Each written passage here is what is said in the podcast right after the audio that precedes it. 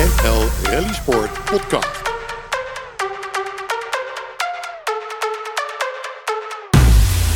Dus ik bracht mijn, eh, mijn, eh, mijn huidige vrouw, eh, ik was dus toen net 18 zeg maar, of eh, ja, net 18.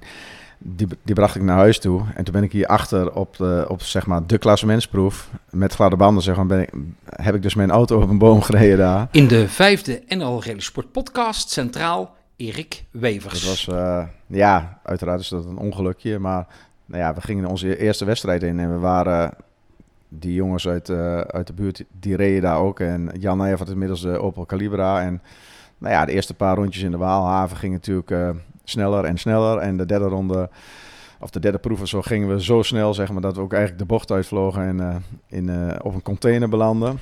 Samen met Erik keek ik onder andere nog even terug naar 2006.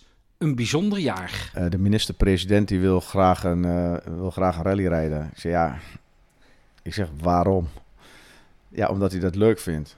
Dus Jan-Peter Balkenende, die houdt van auto's. Oké, ik zeg maar, het is niet een of andere stunt of zo. Nee, het is een, eh, het gaat over, het is een programma en nou ja, uitgelegd wat het programma was. En ook heeft Erik een aantal tips voor beginnende rallyrijders. Dat is eigenlijk wel een voordeel van als je een goede rijder wil worden. En bij ons is het eigenlijk.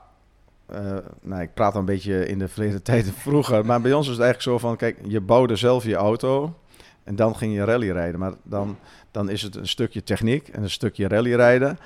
Het is eigenlijk van alles bij elkaar. Nu tegenwoordig is iedereen gespecialiseerd ergens in. En eigenlijk zou het zo moeten zijn dat je eigenlijk inderdaad, als je 18 bent, gelijk een goede auto niet, een, niet de snelste auto, maar in ieder geval een goede auto moet kopen. Dat je je volledig kan concentreren op het rijden.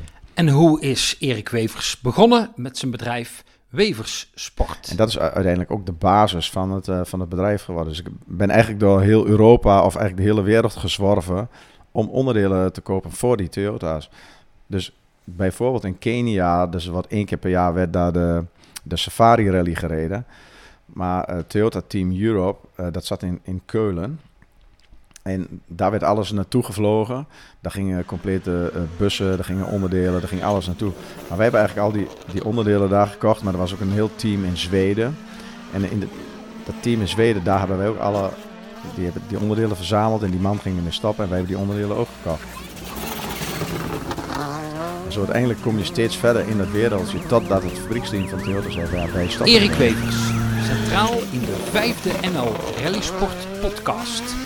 Binnenkort online te beluisteren via Spotify, Google en Apple Podcasts. Dit is NL Rally Sport Ik zie dan heel Podcast. vaak dat eh, filmpje voorbij eh, komen, zeg maar, dat ik dan met uh, Michiel Poel gecrashed ben in, eh in, eh in Hellendoorn, zeg maar. En eh, ja, dat was dus een hele gladde klinkerweg en het moest vanaf de eerste proef moest het gebeuren, zeg maar. Abonneer je op NL Rally Sport Podcast.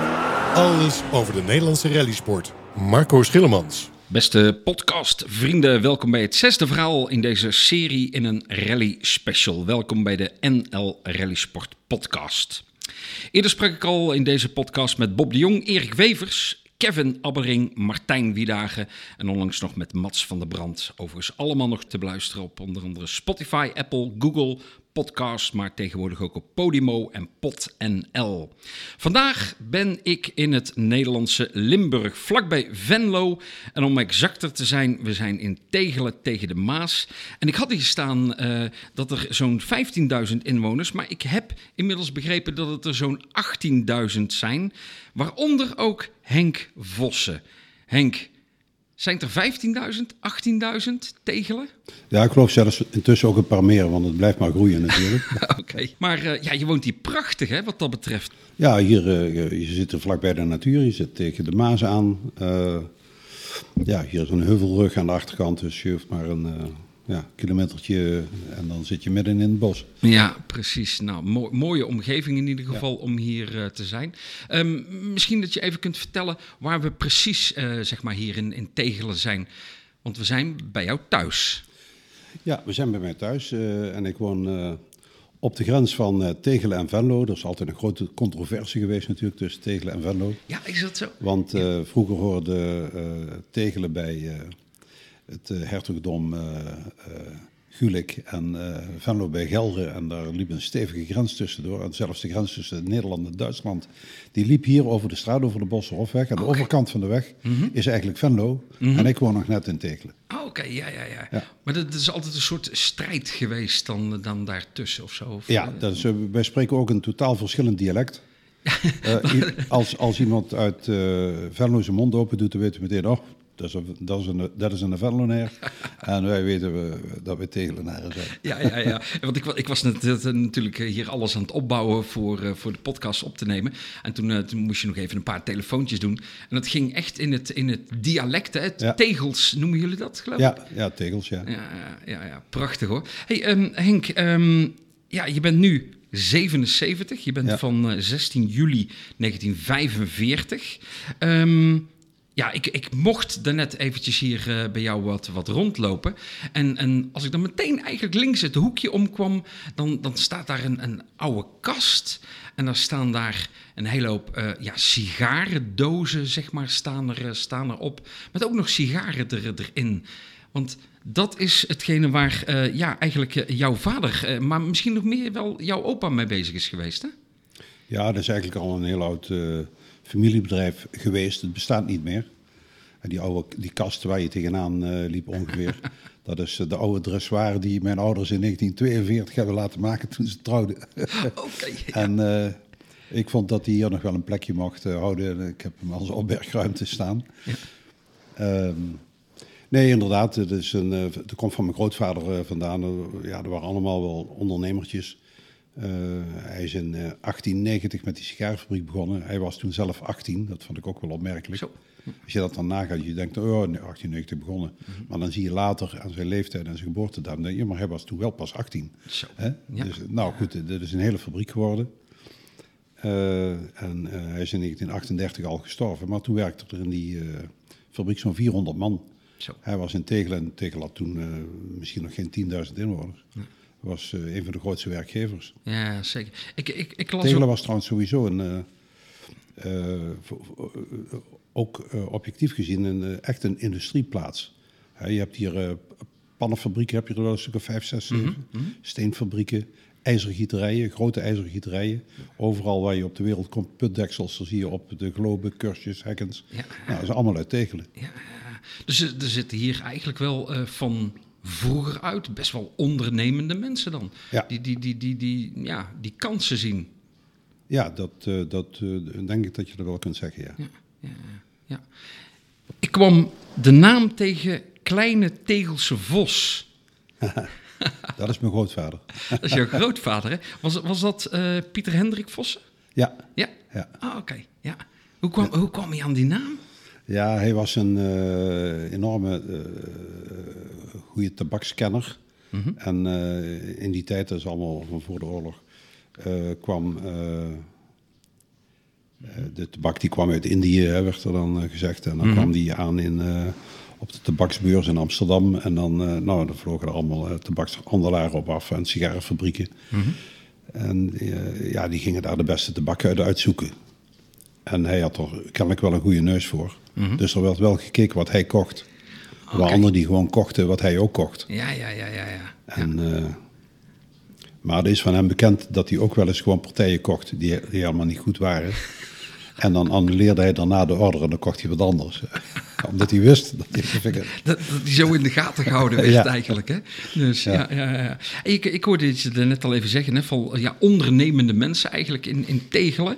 Ehm, maar dat ben je eigenlijk zelf ook, hè? Heel erg ondernemend. Ja, Hè, dat denk ik dat je het wel kunt zeggen. ja. Ja, ja, want je bent eh, oprichter van eh, de Heligem eh, groep. Ehm, maar dat is ja, eigenlijk voortgekomen, heb ik begrepen, uit rond 1980.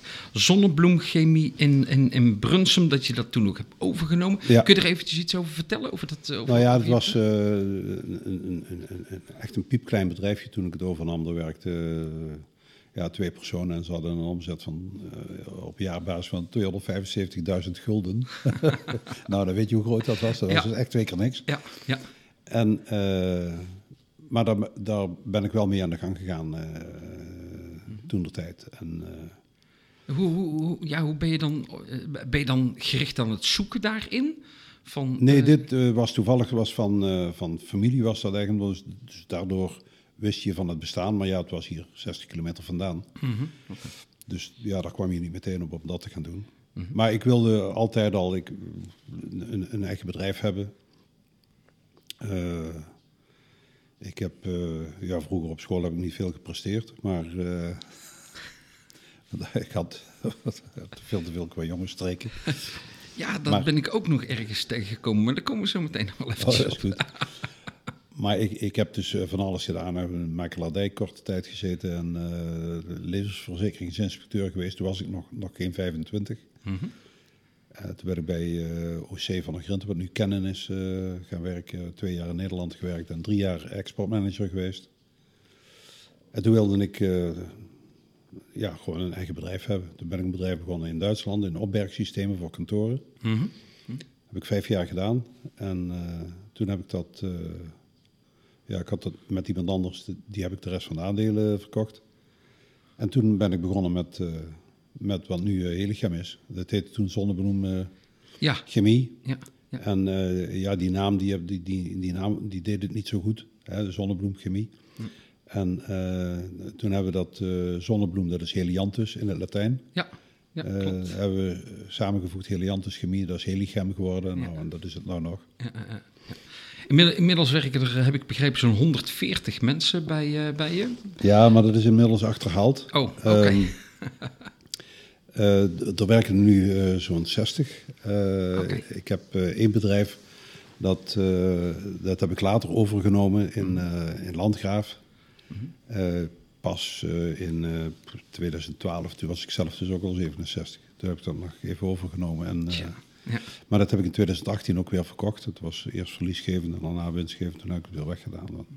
Zo werkt dat dan. Ja. Ja, maar dat eh, ze zat in dezelfde branche. Ze deden hetzelfde als wij, dus Ja. ze snapten wel wat er gebeurde. En, eh, Ja. ja. Ja. Kun, kun je er eventjes iets over vertellen wat, wat Heligim voor een, voor een bedrijf is? Ja, eh, ja ook, ook qua markt hebben we wel wat, wat eh, omzwervingen gemaakt, maar waar we ons nu eh, mee bezighouden, dat is de productie van reinigings- en onderhoudsproducten onder private label. Dus we hebben geen eigen merken, eh, maar we maken producten voor, voor groothandels in schoonmaakartikelen. Maar ook consumentenproducten, ik noem maar wat, een groene aanslagverwijderaar van de Action, die komt ook bij ons vandaan. En bij het Kruidvat ook. Eh, ja, eh, ga zo door. Dat, Ja. eh, dat soort dingen eh, Dus, doen dus, we ook. dus eigenlijk voor de consumentenmarkt eh, ja, kun je producten eigenlijk voor jullie tegenkomen. Terwijl, ja, die kun je ze- overal ja, tegenkomen, ja. terwijl ze eigenlijk gewoon een totaal andere naam hebben. Ja, Ah, oké, oké. Hey, ehm, ja, ik, eh, je zei het er net al eventjes. Ehm, je bent, bent ontzettend druk. Hè? Eh, Als, als ik zie van eh, waar, waar je bijvoorbeeld bestuurslid van bent... of, of waar je zeg maar lid van, van bent, of, of noem het maar op. Hè? Dat, dat, dat, dat is enorm. Ehm, maar dan lees ik ook dat je ja, ook wel een beetje een eigenwijs karakter hebt. Je benoemde het er net ook al een beetje hè, met school. Ehm, hoe, hoe, hoe, ja, hoe verhoudt zich dat eh, tot elkaar? nou ja, ik, ik, ik, ik geloof van mezelf niet dat ik eh, eigenwijs ben. Maar Hoe, Ik heb hoe- vaak- ja? ja, dat is moeilijk, omdat dat moet een ander altijd zeggen, zoiets. ja? En nou, wat, eh, wat mij opvalt is dat ik vaak al heb nagedacht over bepaalde thema's voordat er een bespreking begint. En Ja. dan heb ik mijn mening gevormd. En dan eh, merk je vaak in een gesprek dat anderen eh, al discussieerend eh, tot, tot iets komen. En Ja. dat heb ik mezelf moeten afleren om dan meteen eh, te zeggen eh, tot doen. welke conclusie dat ik ben gekomen. Dus soms dan laat ik een discussie maar lopen, Mhm. dan weet ik al waar het uitkomt. En- Maar als we weinig tijd hebben, dan zeg ik ook wel eens, ja, nou, eh, zo is het. En zo gaan we het doen. dus, Of als mensen lange verhalen aan me gaan vertellen, dan zeg ik wel eens, eh, stop even, hey, begin maar bij het eind. En dan zeg ik wel wanneer je op moet houden. Mooi.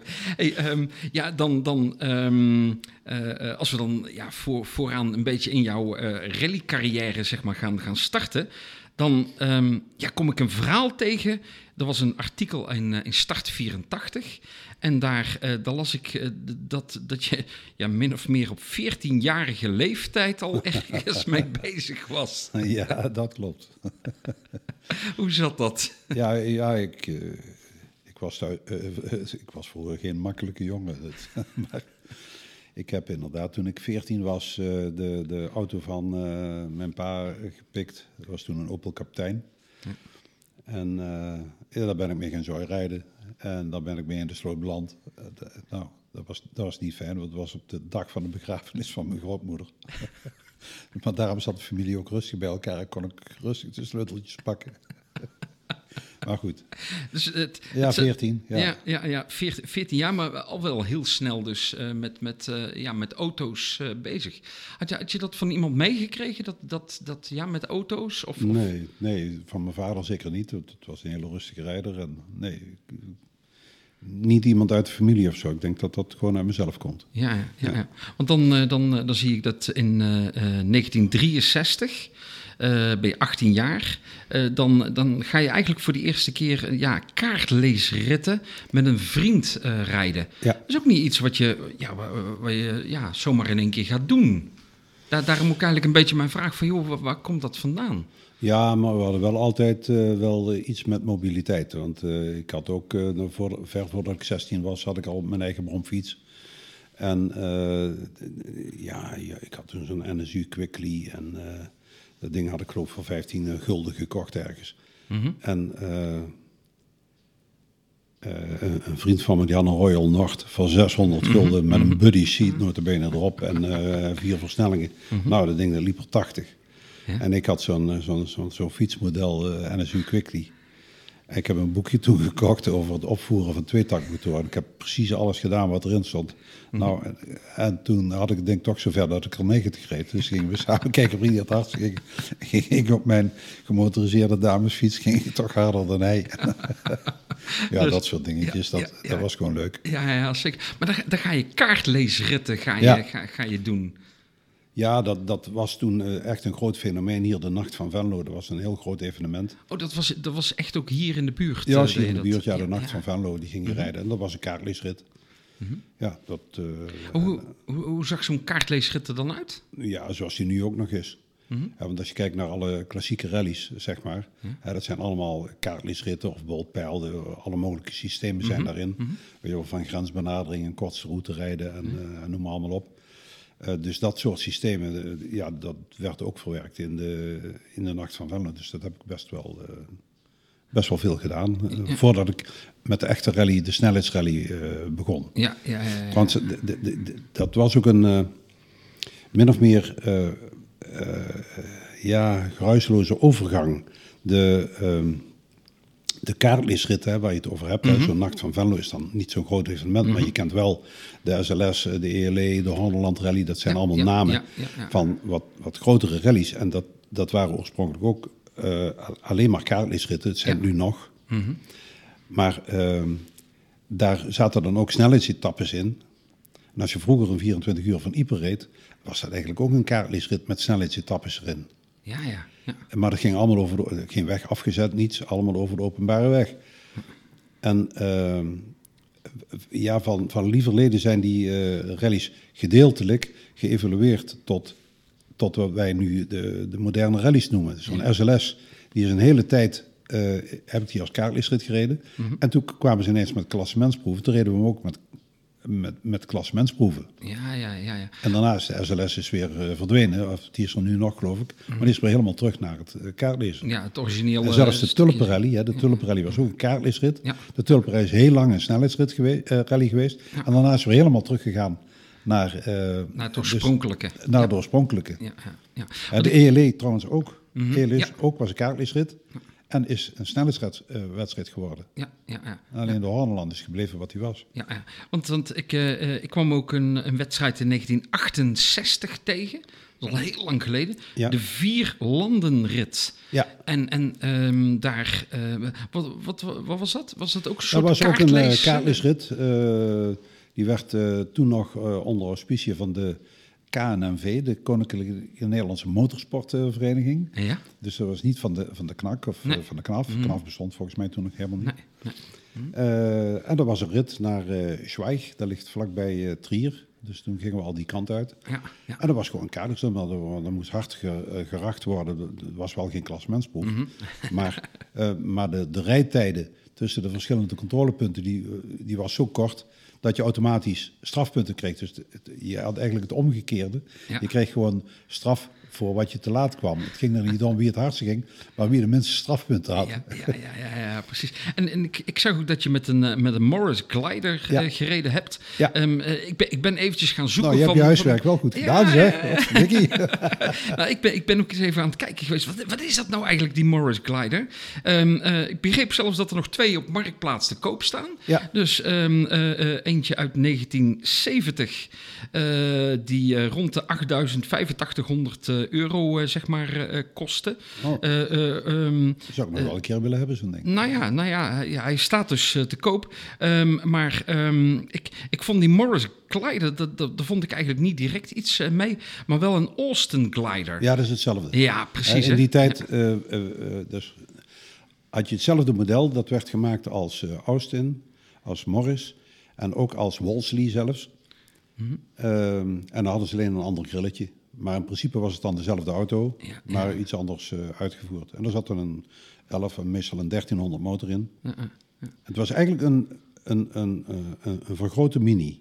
Ja, oh, Had ook de motor dwars voorin liggen. Het was eigenlijk een, een grotere mini. Een vierdeurs eh, mini. Maar dan breder, langer. Ja, net wat groter. Ja, precies. Nou, ehm, ik heb ook nog gauw even gekeken wat die toen destijds nieuw kostte. Oh ja. Nog, nog geen 7000 gulden. Oh, dat kan. Dus het was een goede investering geweest eh, om het eh, eh, wellicht... hè? Ja, als je kijkt uit die tijd, toen, toen reed ik zakelijk. En de tijd van OC, dan kocht je nieuwe auto's. En dan mochten wij tot 9000 gulden een auto kopen. Ja. En dan er waren er heel veel auto's, er waren meer bedrijven die het hadden. Die kosten allemaal 90, eh 89.900. Ja, of ja, eh, 8990, eh, ik zeg het fout. Guldens, 8990 eh, gulden. Ja, ja. En dan, voor dat geld eh, kon je een, zo, een, een Simca eh 1501 kopen. Ja, ja, ja. En, eh, en dat soort auto's allemaal. Ja, ja, ja. En later een Fiat 125S. Ja, ja, mooi hè. Je, je vertelde het net al, hè, van begin jaren 70 veranderde eigenlijk eh, de sport. Hè, van, van kaartleeswedstrijden naar eh, ja, afgezette wegen. Ehm, daar was eh, Bob de Jong, eh, was daar eh, eh, eigenlijk de grote voorvechter van naar, het, naar het Engelse voorbeeld. Hè? Hoe, hoe zag er dat in, in die beginjaren een beetje uit? Nou, je, je kreeg dus die, die transitie, zeggen we tegenwoordig, hè, van, eh, van, eh, van kaartlezen naar eh, snelheidsevenementen op afgezette wegen. En, ja, en daar hoorde dan ook bij pace notes. Hè? En die, die, die, die pace notes, ja, dat hadden ze in Engeland uitgevonden.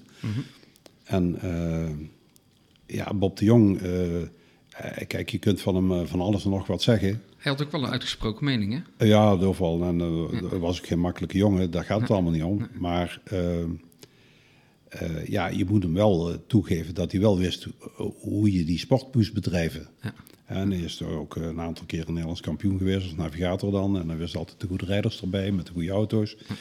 Dus dat, ja, dat, dat kon hij wel. Maar hij heeft ook uh, gezorgd dat, dat ja, je wat toen dan zeg maar tot de top, hè, dat is ook zo'n raar woord, mm. maar, hè, van Nederland dat die wel uh, pace notes hebben geleerd. Ja. En uh, die haalden gewoon naar Engels en naar Nederland en die kwamen hier een cursus uh, maken geven. Ja. Vandaar ook dat ik nog altijd Engelse systeem gebruik, wat heb ik ja, toen dat, geleerd. Ja, dat, dat, was, dat was een van mijn vragen die ik ook opgeschreven had. Hè? De, de, dat notes maken, hè? Doe, doe je dat nog steeds eigenlijk op, op zo'nzelfde manier als dat je dat toen destijds uh, ja. Gedaan hebt? Niet, niet veel veranderd daarin? Nee, de, de, nee? je moet, uh, en die Engelse kreten die daar uh, gebruikt worden, die, die, zijn kort en duidelijk. Mm -hmm. kun, kun, je er een paar noemen? Voor, voor onze luisteraars? Dat die, uh, een beetje een ja, nou, ik, ik, noem de bochten van het scherpst hè, is hairpin. En dan heb je uh, zeg maar hairpin right of uh, bad right. Dat is dan iets scherper dan haaks. Mm -hmm. En right is gewoon haaks. Dus mm -hmm. daar zeg je niks. Dan zeg je K-right, medium right, fast right, slide. eh, ride en een flat ride. Mhm. Maar goed, eh, als je daar eh, zegt eh, rechts 1, 2, 3, 4, 5, 6, 7... eh, Ja, als je weet wat het is, is dat hetzelfde. Ja, precies. ik, ik hoorde van, van eh, in onze vorige podcast eh, die ik met eh, Mats van der Brand had, dat hij ehm, eh, zeg maar ook een bepaald systeem had. Die had met name ook wel met, met, met snelheid en zo. Ehm, maar die had daar later nog wel een plusje en een minnetje aan toegevoegd. Ja, dat doe ik Is- ook. Ja, dat doe je Bij ook. alles. Oh, Oké. Bij ja. alles, allemaal die, die, die bochten die ik net noemde. Dus bij, bij mij zit er altijd ook een, eh, een K-Ride Plus en een K-Ride Minus en een Fast en een Slide. Ja, alles ja, ja. met plus en minder bij. En soms heeft dat ook een bepaalde betekenis. Eh, zo, zo, eh, bijvoorbeeld een Slide Ride, dat is niet flat. Mhm. Maar als hij bij mij Slide Ride Plus is, dan betekent het dat ik met verkennen heb ge- gedacht dat hij ook wel flat kan. Oh, Maar ik zet het er niet neer. Nee, ja. Maar dat weet ik. Ja. Maar ik, ik, als ik mag verkennen met 60 of met 90, ligt aan welke rally je aan het rijden bent. Mhm. En ik kom daarna met 180, ja. ehm, dan, dan weet je niet zeker eh, wat je daar eh, moet doen. Hoewel er is wel een, eh, ja, een heel verschil. ja, je hebt statische en dynamische notes. Hè? Wat, wat ik doe, de- eigenlijk in principe, is statische noot maken. Je geeft de, de, de gradatie van de bocht aan. Ja. Eh, dat is statisch. Dynamisch is wat veel eh, Belgen bijvoorbeeld doen. Ja. Die hebben eh, rechts eh 50, 60, 70, 80, 90. En dat, dat is de snelheid die ze Ja. beogen te gaan rijden. ja. Ik vind dat nogal lastig. Maar er is voor allebei wel iets te zeggen. Hè? Ja. Het, eh, het is maar net wat je gewend bent. Heb je, heb, je, heb, je- heb je wel eens een keer eh, daar eh, in, in dingen uitgeprobeerd? Zo van, joh, ja, misschien een ander noodsysteem? Of nee, dit is goed, dus... Ja, je, er zijn heel veel varianten op. Ik, ik ken ze natuurlijk niet allemaal, ook van collega's, wat ze allemaal precies eh, schrijven. Maar je kunt bijvoorbeeld zeggen, ik heb een K-Ride, dat is een, een, een bijna haakse bocht. Maar dan kun je erachter zetten vol. Maar Ja. dat kan zijn omdat je uit een andere bocht komt, waardoor je bijna stilstaat. Ja. En dan eh, zeg je K-Ride vol. Ja, ja, ja. Ja, dat is een beetje raar, want de bocht is K en je zegt dat je er vol doorheen moet. Nou, dat, ja, ja. maar als je bijna stilstaat, weet, dan denk je, ja, dan weet ik dat ook wel dat ik er vol doorheen kan. Ja, ja. Nou ja, dat soort dingen. Ja. Ja, daar zijn zoveel systemen. Ik hoor ze ook, ik luister ook wel aandachtig soms naar onboard eh Ja, beelden. doe je? Ja, Ja, ja, dan zit ik echt, ik, wat, doet hij nou? Wat zegt hij nou? Weet je wel? ja, ja. En dan denk je, ja, er is van alles wat te zeggen. Maar er zijn vele wegen die naar Rome leiden. Precies, hè? Precies. Hey, ehm, als ik dan eh, ga kijken in, eh, op, eh, op EWRC, dan, dan kom ik eigenlijk de, de, de, de Star Rally kom ik daar in 1972 eh, tegen. Dan ben je 27 jaar. Eh, de Star Rally in Nederland, wa- waar werd die ergens verreden? Ehm, de, de, de Star Rally, dat was een. ehm, dan ben ik even vergeten welk merk. Ik geloof dat dat van eh, Caltex eh, tankstations kwam. Mhm. En eh, je kon dan zelf kiezen, ik geloof ik, van welk Caltex tankstation je wilde starten. Dat was de Star, de, dus de, als ster. stervormig. hè. Ja, ja. Eh, en, en daardoor deed je dan in een route die dan tot, tot het eindpunt leidde, reed je verschillende routes. Eh, maar je reed uiteindelijk wel allemaal dezelfde klassementsproeven. Dus je reed wel van tankstation naar tankstation. Oké. Ja. En ehm, ik moet even gaan kijken op borden die daar staan. Welk, Gulf, nee het was Gulf. Ik zeg nou Caltex, het Ja. kan ook wel Gulf zijn geweest. Mhm. Ja, En, en, en weet je nog waar in Nederland dat die ergens die ging door heel Nederland. Door heel Nederland? Ja. Oh, oké. Ja. Ja. ja. Dus als we nu af en toe eh, horen van, eh, joh, ehm, eh, het is, het is eh, eh, verrijden naar de klassementsproef, dan zeg je eigenlijk van, eh, nou ja, waar hebben we het over? Want als je heel Nederland eh, zo'n beetje, dan eh, Ja, als, als dat- klassementsproef eh, Dat is ook het hebt. idee dat wat bij sommigen wel eens geleefd heeft. Bob de Jong, waar we het net over hadden, die heeft dat ook wel eens eh, willen doen om een, eh, hier een, eh, een WK-rally naartoe Ja, te halen. ja, En dan ja. eh, door heel Nederland te rijden. En dan de mooiste klassementsproeven die, eh, die we hebben. Of dat nou uit de Amsterdam Rally is of, eh, of, of van Hellendoorn, ELE of eh West-Brabant, noem maar op. Ja. Eh, om die aan, aan elkaar te rijgen. En als je kijkt naar, eh, ja, naar hoe de WK-rallies nu zijn, Eh, daar schromen ze ook niet om je verbindingsroutes te laten rijden van meer dan 200 kilometer. Nee, nee, nee, nee, Eh, Van de een naar de andere proef. nee, nee, klopt. Ehm, je deed dat destijds met een Saab 96. Ja. En, en eh, je navigator, en er stond geen voornaam bij, maar G. Engels. Gerard. Ja? Gerard Engels. Ja. Ah, oké, oké. Die Saab, dat, dat, eh, want we zagen het er straks op, eh, op oude foto's, hè, die Ja. dingen. Ehm, dat is een prachtige auto, want daar heb je ook in eh, 1973 nog, eh, nog mee, eh, mee Ja, gereden. lang zelfs tot, tot Ja, eh, ja. aan 75 Ja, ja, ja, 74 inderdaad ook. Drie wedstrijden toen, eh, waarvan eh, eentje ook in, eh, in België. Ehm, die Saab die was niet altijd echt betrouwbaar, heb ik begrepen. Want Nee. 16 keer een kapotte koppeling in 18 wedstrijden. Ja, ja. Ja, dat... Ja, het was toen een, eh, een populaire auto, hè, die met dat bolletje, zo'n Ja. 96. En eh, ik ben inderdaad begonnen met een, eh, met eentje met een tweetakmotor, zo'n zo'n pruttelding van drie cilinder. Nou, ik heb tuk, tuk, eh, de- ja, ja, ja. Nou, dan hadden we, ik geloof dat die eh, 39 pk had. En, en daarna kreeg ik een, een Monte Carlo motor in met wel drie carburateurs. En die had 44 pk maar liefst. Dus dat, dat wilde wel. ja, ja, ja, ja, ja. Eh, en later, toen, eh, toen zijn we op een eh, vier, eh viercilinder viertakt overgegaan. Eerst standaard. Daar hebben we nog ja, in Polen meegereden, ben ik mee uitgevallen toen. Maar, en later zo'n zo'n opgevoerd ding waarbij de motor opgeboord was naar 1800 eh, cc en dubbele Webers erop. Ja, en dan had zo'n ding 160, 70 pk. Ja, dat begon ergens op te lijken. ja En de- de autootje woog maar 800, 900 kilo. ja. Maar de- deden jullie dat dan zelf? Of, of liet je dat doen? Of hoe ging dat deden, we hebben eigenlijk altijd wel het onderhoud zelf gedaan. En eh, ja, spullen laten maken. Soms liet je een motor ergens tunen. En dan hing je hem er weer in. Eh, bij die eh eh, Saab, die heb ik wel toen compleet. Groep A was dat toen, heette dat. Eh, gekocht. Bij, bij God, die naam, dat weet nog, Gerard eh, Lenderink. Nou, dat was een Saab dealer. En die, die had die eh, eh, ergens in het oosten van het land. Ja, dat was wel een kanon. En, en die, die, die had ik. En eh, meteen het eerste evenement wat ik reed, eh, ging ik ermee over het dak. Dus eh, Oké. Dus, eh, was, was je die dan lastig toen te was er hier in de buurt eh? was er nog een, een rally sprint, heette dat ook. En eh, met heel veel zand. En eh, toen, toen reed ik met eh, Wim Luibrechts om de eerste en de tweede plaats. Eh, Mhm. Wim Luibrechts die deed mee met een Marina. Maar dat is eigenlijk een rallycross auto, maar dan mocht hij meedoen aan die sprint. Mhm. Oh ja. Oké. En eh, ja. Ja, en ik wilde toch wel winnen. Maar toen ging ik over het dak en toen heeft het publiek de auto rechtop gezet. Zijn we niet uitgestapt, niet uit de gordels geweest of niks. Gewoon weer starten, rijden. Toch nog tweede geworden. ja, wel rare dingen in ja, die ja, tijd. ja.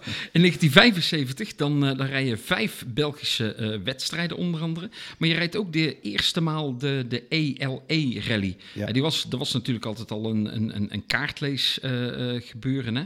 Een soort toerrit van, van de camperrijders. die ehm, eh, ja, eigenlijk uitgegroeid is, wa- wat je al zei, van eh, de fakkelrally. zo heette die dan, dan vroeger. Ehm, en, en de Hunsrück Rally, eigenlijk ook de voorloper van, eh, van eh, ja, een aantal jaren de, de WRC in, in Duitsland. Ehm, dat deed je toen met een, met een Opel Manta 1.6 en later in 1976 ook nog met de 1.9. Ja. Ehm, ja, dat, dat waren, en dat zijn eigenlijk nog steeds, ja, echt iconische rallyauto's. Hè? Ja, die, eh, ja op, op, op zekere momenten, en ik denk dat inderdaad rond 1975, nee, nog eerder. Welke datum noemde jij, welk jaar? Eh, 1975. Ja, ja, eh, rond die tijd. Ja. Toen eh, ben ik eh, overgestapt van, van Saab naar, eh, naar die Opel. En toen heb ik eerst een eh, eh, groep 1, heette dat, eh 1600 eh, Opel gekocht. Eh, eh, en die kocht ik van eh, Tom Meilink. En dat is de vader van. En eh, die was daarmee eh Luxemburgs eh, kampioen geworden. En die auto stond toen ook op L7000, nummer vergeet ik niet. Dat, er moeten ook foto's van zijn. Eh, op Luxemburgs kenteken. Want hij was, die Tom Meilink, die was ja, ingenieur en die, die werkte bij, bij Goodyear, bij de bandenproducent. Mhm. Maar die was er kampioen mee geworden. En die auto die, die was zo slim gebouwd, zo perfect illegaal gebouwd, dat, dat, dat was echt onvoorstelbaar. Want hij zei toen ik die auto kocht, je moet er niks aan vervangen met originele delen, want Dat past dan- dan- dan past het niet meer. Was dat... eh, eh, Nou, ik noem maar wat ophangingen, moesten originele rubbers aan zitten. Ja, ja. Nou, en dan zaten er wel bussen in, maar ervoor en achter zaten dan de oude rubbers nog geplakt, dus je zag dat niet. Dat soort dingen. dat soort geintjes, zeg maar. Ja, ja. En, en- ja, een ding stuurde als een, als een skelter. Ja. Maar eh, ja, daar klopte geen bal van, eigenlijk. Dat was een hele slimme auto. Ja, ja, maar er waren al meteen mooie wedstrijden. hè? Hunsruk Rally, ELE, die, Ja. eh, die je toen, Ja. eh, toen reed Ja, in de dat, eh, beginjaren. heb ik altijd gevonden. Dat, daar komen we nog wel op. Mhm. Maar dat, ja, die grote evenementen, dat, eh, dat, ik vind dat mooi. Ja, ja, ja. Dan, dan eh, doortrekkend zeg maar eh, vanaf de Opel Manta ga je in 1977 met de Opel Kadett rijden. Ja. 12 wedstrijden. Dat, dat is, en, en ja, we hadden het er net al eventjes er Ik ook heb over. ooit wel een jaar 18 wedstrijden gereden. Ja, ja, daar komen we straks nog Oh, inderdaad ja. op. Maar, maar 12, 12 wedstrijden met drie grote wedstrijden daarin. Ja, weet je toevallig nog welke dat er waren? Ik heb ze hier staan hoor. Dus- Oh nee, ik Nee. eh, weet niet. 24 Trouwens, eh, ja. even over, over dat EWRC, dat is Ja. jammer. Ik moet zo nog schrijven. Want er staan eh, zeker 100 wedstrijden niet in die Nee, precies. Ja, Ja. ja. Ja, ja, ja, ja. Dus dan moet je nog eens even een keer een update Ja, ja, geven. maar goed, oké. Ja. maar de 24 uur van je toen, Hunsruk Rally. En toen ook al de Lombard Rak Rally. ja, ja, ja. Hoe kijk met, je nu? Met de Opel Kadett. ja. Hoe kijk je nu zeg maar op die wedstrijden zoals dat het toen ging? Ehm, ik ben eh, eh, beide keren eh, uitgevallen. Ik heb twee keer later nog een keer de RC gereden, maar toen dus met die kadet, weet ik nog. Toen is er een, eh ja, een achterhasophanging uit het chassis gebroken of zo, al vrij snel. En ja, ik denk dat we toen nog een beetje te naïef waren. Die auto's waren gewoon niet goed genoeg geprepareerd. Hè, dat, tegenwoordig ja, zou je ja, je veel beter voorbereiden. Eh. Maar ja, het was een groep, eh, stond er groep, toen- groep 1 auto, daar mocht eigenlijk niks aan. Maar als je het niet deed, ja, viel je uit. St- ja, sto- stond het toen eh, in Nederland misschien nog in de kinderschoenen? In Nederland? Ja? Jazeker. Ja. Ja, ja, ja. En, en hoe probeerden wij dat dan, dan, dan, dan eh, beter te doen? Eh, kijken naar anderen? Eh, Ja, gewoon afkijken toch. eh, Ja. de- de- de- eh, ja, van heel veel eh, auto, van autosport is eh, Engeland toch de bakermat. En, Aha, eh, ja. en ja, het is, het is niet voor niks dat nog altijd alle of bijna alle Formule 1 teams eh, in Ja. Engeland zitten. En, en dat was toen ook ja, de meeste goede ideeën. ik bedoel, niks ten nadele zeggen van, van Frans en Belgen. eh, Mhm. En Duitsers vooral, die, die ook natuurlijk wel hun spoortjes verdiend hebben. Ja. Maar ja, daar werd het gewoon allemaal uitgevonden.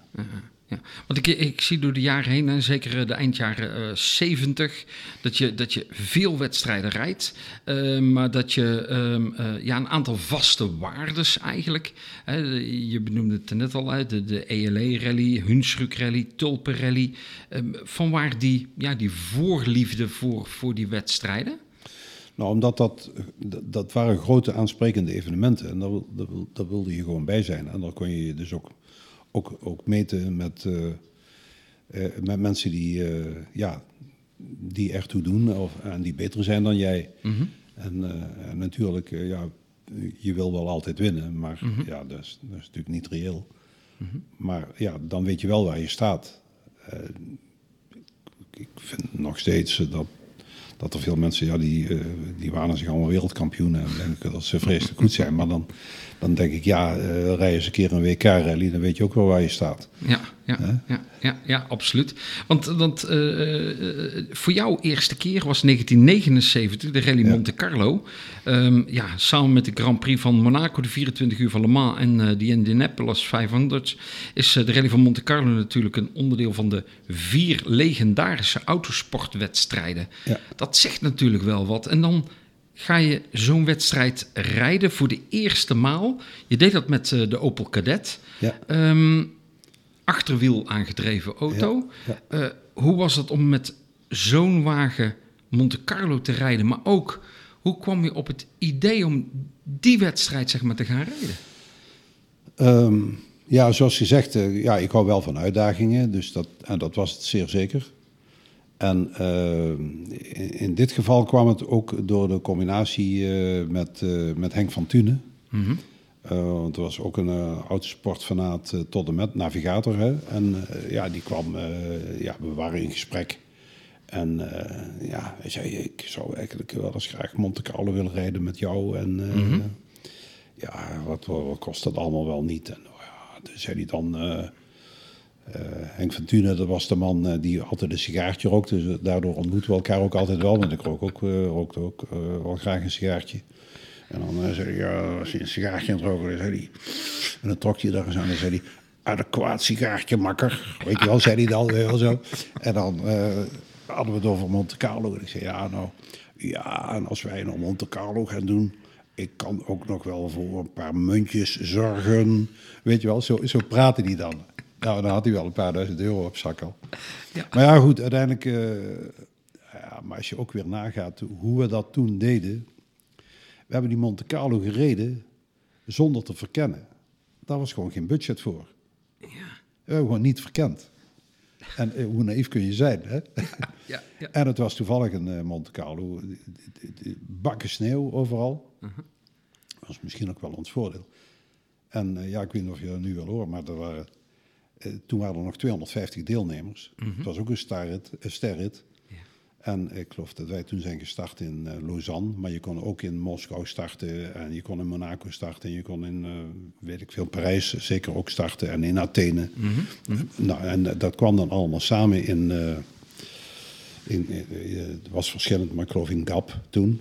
Ja. En dat was dan zo georganiseerd dat iedereen 2000 kilometer had gereden als hij in Gap aankwam. Maar dat was gewoon over de weg. Dat was ja. nog geen klassementsproef. Maar mm-hmm. het was wel midden januari. Dus was sowieso al een uitdaging om 2000 kilometer te rijden door bergwegen en weet ik wat. Dus je moest daar wel zijn. Ja. En uh, dan, die, uh, dan kreeg je een... Uh, dat was het parcours de concentration, heette dat dan. Hè? En dan, uh, dan kwam er een uh, uh, parcours commun, heette dat. En dan reed iedereen een paar klassementsproeven. En dan mocht alleen de beste 200 mochten door. Oké, okay, een soort afvalsysteem, zeg afvalsysteem. maar. Ja. Dan kreeg je nog weer een hele reeks klassementsproeven. Dat was het parcours de klassement. En, en dan zat je 40 uur in de auto, mind you. Mm -hmm. En uh, dat, dat, ging over twee dagen. En uh, dan kwam je, kwam je in uh, Monaco aan. En daar overnachtte je dan ook. Mm -hmm. en dan mochten de beste honderd door. En dan kreeg je, dat, dat was dan de laatste nacht, dat was de zogenaamde nacht van de lange messen. En dan mochten er maar honderd mannen meedoen. Dus dat was al een hele tour om, nou, ik geloof dat we de eerste nacht waren we 170 of zo. En daarna, uh, ja, toen zaten we toch bij de eerste 60, 70 al. En we zijn, als ik het goed heb, 55 geworden in die rally. Maar uh, ja, ik vond het helemaal geweldig. Rijden als Hollander zonder verkenning met je Opel Kadetje. Ja. dus dat was maar dat, dan, want hoe, hoe bereid je je dan voor daarop? Of? Nou, we hadden wel heel veel. Nou we hadden wel heel veel voorbereiding gedaan gewoon om uh, ja, de, de, ook uh, ongemakken en mm-hmm. het te voorkomen. Hè. Dus we hadden parka's in de auto liggen en moonboots en, en noem maar allemaal op. Want je kon er wel uitvallen en het kon er wel 20 graden vriezen. Ja, als je dan daar in je gimpies op je t-shirtje in de Alpen staat en je motor loopt niet meer, je hebt geen verwarming. Dat is niet goed. Nee. Dus nee. nee. maar dat soort dingen, dat hadden we wel. En we hadden uh, banden, ja, je had gewoon je eigen serviceauto's en uh, je moest gewoon banden meenemen. Die, en, ik weet dat we toen van Kleber hadden we toen banden. Maar ja, dat waren allemaal bandenmaatjes van 165, 13 en zo. En helemaal van spijkers, dat was drie keer niks. Maar ja, het, je kwam er wel mee over, over de bergen heen. Ja, ja. Want in, in, in uh, dan in 79 duurde voor de eerste keer, maar dan, ja, tja, daarop dan ga je er gewoon weer naartoe. Hè? Ja. En toen, toen was het met uh, uh, de Ford Escort, de RS 1800 ja. MK2. Ook een iconische rallywagen weer, hè? Ja. ja, dat klopt. In 1979, het, het, was dan, die Monte Carlo was dan, ik denk de laatste rally die ik met een cadet heb gereden. Ja. En uh, ja, toen hadden we het vizier gezet op, uh, en, maar er was toen ook een heel potente auto, zo'n uh, Opel Cadet, zo'n groep 2 heette dat toen. Ja, zo'n ding had toch ook 180, 90 pk en later waren er zelfs nog met veel meer ja, daar kon je wel mee vooruit hoor, met zo'n ding. Maar goed, inderdaad, zoals je zegt, de, de Escort was, was toen wel in opkomst. Je had de MK1 al gehad en toen was de MK2 in de beurt. En ja, die moest er komen. En nou, daar heb ik toen ook gezorgd via sponsoring en weet ik wat, dat ik zo'n ding uiteindelijk een keer kreeg. Ja. ja hoe, hoe, hoe was die overstap? Ja, dat, dat, dat ging toch wel makkelijk. Ik bedoel, ja, uh, ja, het klinkt misschien wat, wat raar, maar een auto is een auto. En uh, natuurlijk voorwielen, achterwielaandrijving, dat is wel een verschil. En later vierwielaandrijving. Daar moet je allemaal wel even aan wennen. Mm -hmm. Maar als je eenmaal dat hebt gezet, of je nou met een, uh, met een cadet rijdt of met een, met een escort BDA, ja, dat maakt niet echt veel uit hoor. Nee, nee, nee. Um, ja, we hebben het er al over, hè, verschillende rallyauto's waar je mee gereden hebt. Je hebt ook met, met behoorlijk wat, wat navigatoren gereden. Hè, Gerard Engels uh, kwamen we ja. er net al eventjes uh, op. En in uh, 74, 75 en nog een wedstrijd in 76 reed je met Piet Teunissen. Ja. Ja. Um, uh, als navigator. Hè, daarna ook nog met Henk van Tunen, chef Thomas, um, of Stef Thomas moet ik zeggen. Ja. 78, 79 ga je dan toch weer met Pi rijden, tot en met 1984. Ja. Um, ja, totaal toch wel meer dan tien jaar uh, hem als, als, als navigator gehad. Ja, Piet Deunis was, uh, was ook een icoon hoor. En uh, was een heel bijzondere vent. Helaas is die toen in, goed zeggen, 83 uh, zeg ik dat goed? Ik geloof het wel. Is die uh, van 83 of 87? Ik weet het even niet meer. Uh, is die plotseling gestorven, een hersenbloeding. Toen was hij 47, toen was een paar jaar ouder dan ik. Zo. En ja, dat was, dat was erg triest. ik zit even te denken welk jaar het was. Hm. Nou.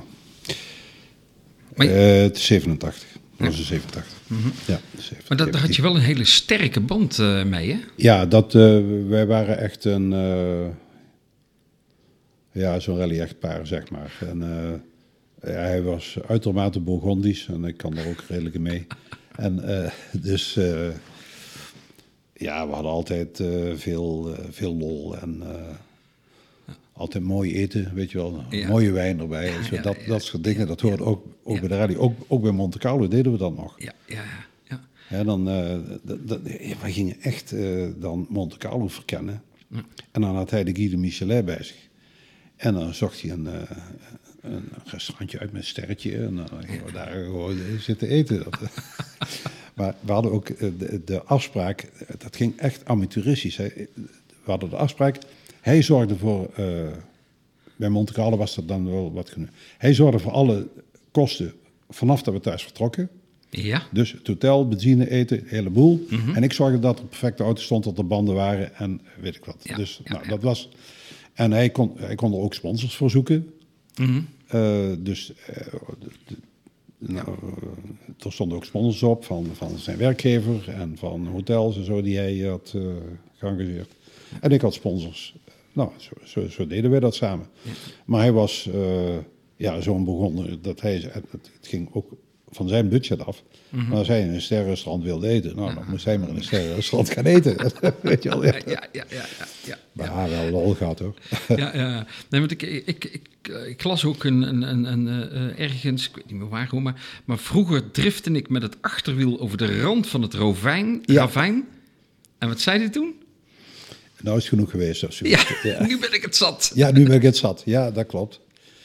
Ja, ik, ik, ik zag nu, uh, dit jaar in Monte Carlo zag ik allemaal die weggetjes ook weer. Ja. Alleen staan er nu allemaal muurtjes, maar die waren er toen niet. Nee, oké, okay, ja. En dan, ja, dan was je echt in spelen met die auto, was het spekglad. En dan nam je een herpen of een scherpe bocht en dan uh, liet je je auto mooi uitdriften. En ja, je deed het erom. Gewoon totdat hij aan het randje en dat je het achterwiel hoort, huh, even doordraaien. En dat was dan ook net zat. Ja, ik kan me best voorstellen dat een navigator zegt, blijf maar lekker op de weg. Ja, ja. Want nou, nou zit je gewoon noodlot te tarten. Ja, dat was niet zo. Ik, ik, ja, ik voelde me daar helemaal safe bij. ja. In 1983 dan word je eh, Nederlands kampioen. Ja. Ja, weet je, ik, het is natuurlijk leuk om kampioen te worden, maar ik ben, ben, ben nooit zo'n eh, zo'n puntenrijder geweest. Weet je wel, dat, dat, dat je de dingen doet eh, of eh, hè, ergens genoegen neemt met een eh, slechtere plaats alleen maar om die punten te casseren.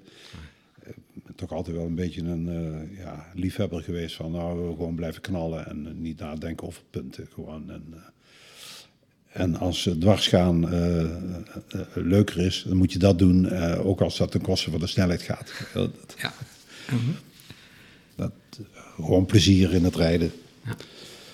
En dat, eh, ja, dat strakke lei- rijden, dat kwam, dat deed ik vroeger helemaal niet. Dat is eigenlijk pas gekomen veel later, daar kom je misschien nog op, met, met die BMW 325, want dan moest je het. Ja. Anders dan ging dat ding niet. Eh, ja. Want dit deed je met eh, de Ford Escort RS eh, eh, 1800. Hè? Ja. Deed, je dat, eh, deed je dat? Je streed dat jaar eh, tegen eh, eh, Renger eh, Gulker Ja. met een Porsche 911 en Paul Maaskant met een Citroën Visa. Ja. Maar ook Man Bergstein eh, met een Opel Monza Ja, voor het, eh, voor het kampioenschap. Namen eh, ja, eigenlijk eh, van, een, van een groot aantal jaren geleden. ja, Toppers. ja. Ja, dat, eh, dat klopt. Ja, goed, die, eh, dat, dat, dat zat er eigenlijk ook wel vaker aan te komen dat je een keer kampioen werd. Maar eh, nogmaals, het is leuk. Eh, en als je het erom doet, dan kun je het vaker worden, denk ik. Maar ja, we reden gewoon wat we leuk vonden. En ook op een manier die we leuk vonden. Ja. Hoe, moeilijk of hoe makkelijk was dat toen? Destijds in de rally? Eh, Wat bedoel je? Nou, de- de- om, om kampioen te worden? Ja, je moest natuurlijk wel eh, proberen alle wedstrijden te rijden. En, eh, en je viel nog wel eens wat vaker uit dan tegenwoordig. Hè. Tegenwoordig valt er, ja, nou, mechanisch eigenlijk bijna niemand meer uit. Hè. Dat is, maar al, is in ieder geval een tijd geweest dat het helemaal eh, weg was. Ja, ik weet niet of dat moeilijk is. Ik, ik denk als je er echt voor gaat zitten, dat je het er wel kunt worden. Ja, ja. Dan eh, eh, het jaar erop in 1984, dan eh, eh, ja, heb ik hier staan van dat je eh, toen de meeste rallies reed binnen één jaar. Je noemde net even 18, ik, ik had hier zelf 16 eh, staan. Oh ja, Eh, kan. Bijna om de drie weken het hele jaar door. Ja. Eh, hoe kwam dat zo, dat je, dat je zoveel wedstrijden zeg maar eh, reed? Ja, Of was dat, Dat, gewoon... ik, ik denk dat dat ook te maken heeft met. Ik denk dat ik toen in ieder geval ook een Nederlands kampioenschap heb gereden. Mhm. En eh, ja, als je die dan nog weer aanvult met rallies die je graag rijdt. Ja, dan worden het er vanzelf eh, Ja, wel meer. Eh, Maar ook rallies als de Hoensruk en Ieper, die hebben ook meegeteld voor het Nederlands kampioenschap. Hè? Die hebben gewoon op de kalender gestaan. ja, ja, Ik was daar ook wel een groot voorstander van. Ik, want ook in, in mijn BSR-tijd, ja, best wel intensief met de kampioenschappen bemo- bemoeid. Ja, enerzijds is het wel leuk natuurlijk om een Nederlands kampioenschap te houden, eh, alleen binnen Nederland, met alleen Nederlandse rallies. Hè. dat, daar is iets voor te zeggen. Om aan te vullen met een paar buitenlandse, daar kun je ook iets van vinden. Maar dan, vind ik, dan moeten dat wel aansprekende rallies zijn, niet zomaar een buitenlands rallietje toevallig. Nee. Maar ja, die grote, maar er waren dan ook eh, andere punten die eh, vergeven werden in de, in de grotere rallies. Ja, daar was ik dan weer een voorstander van om dan gewoon de punten te verdelen onder de Nederlanders. Gewoon het klassement van de Nederlanders met elkaar te vergelijken. Ja, ja, ja. Ja, of die nou dan de ene vijfde was en de ander vijftiende en nog eentje 25. Nou, dan waren die 1, 2, 3. Oh, zo, ja. zo, zo in die geest. Ja, want in, in, in die periode dus veel wedstrijden. eh, eh, maar je, ja, je hebt ook gewoon je eigen werkzaamheden.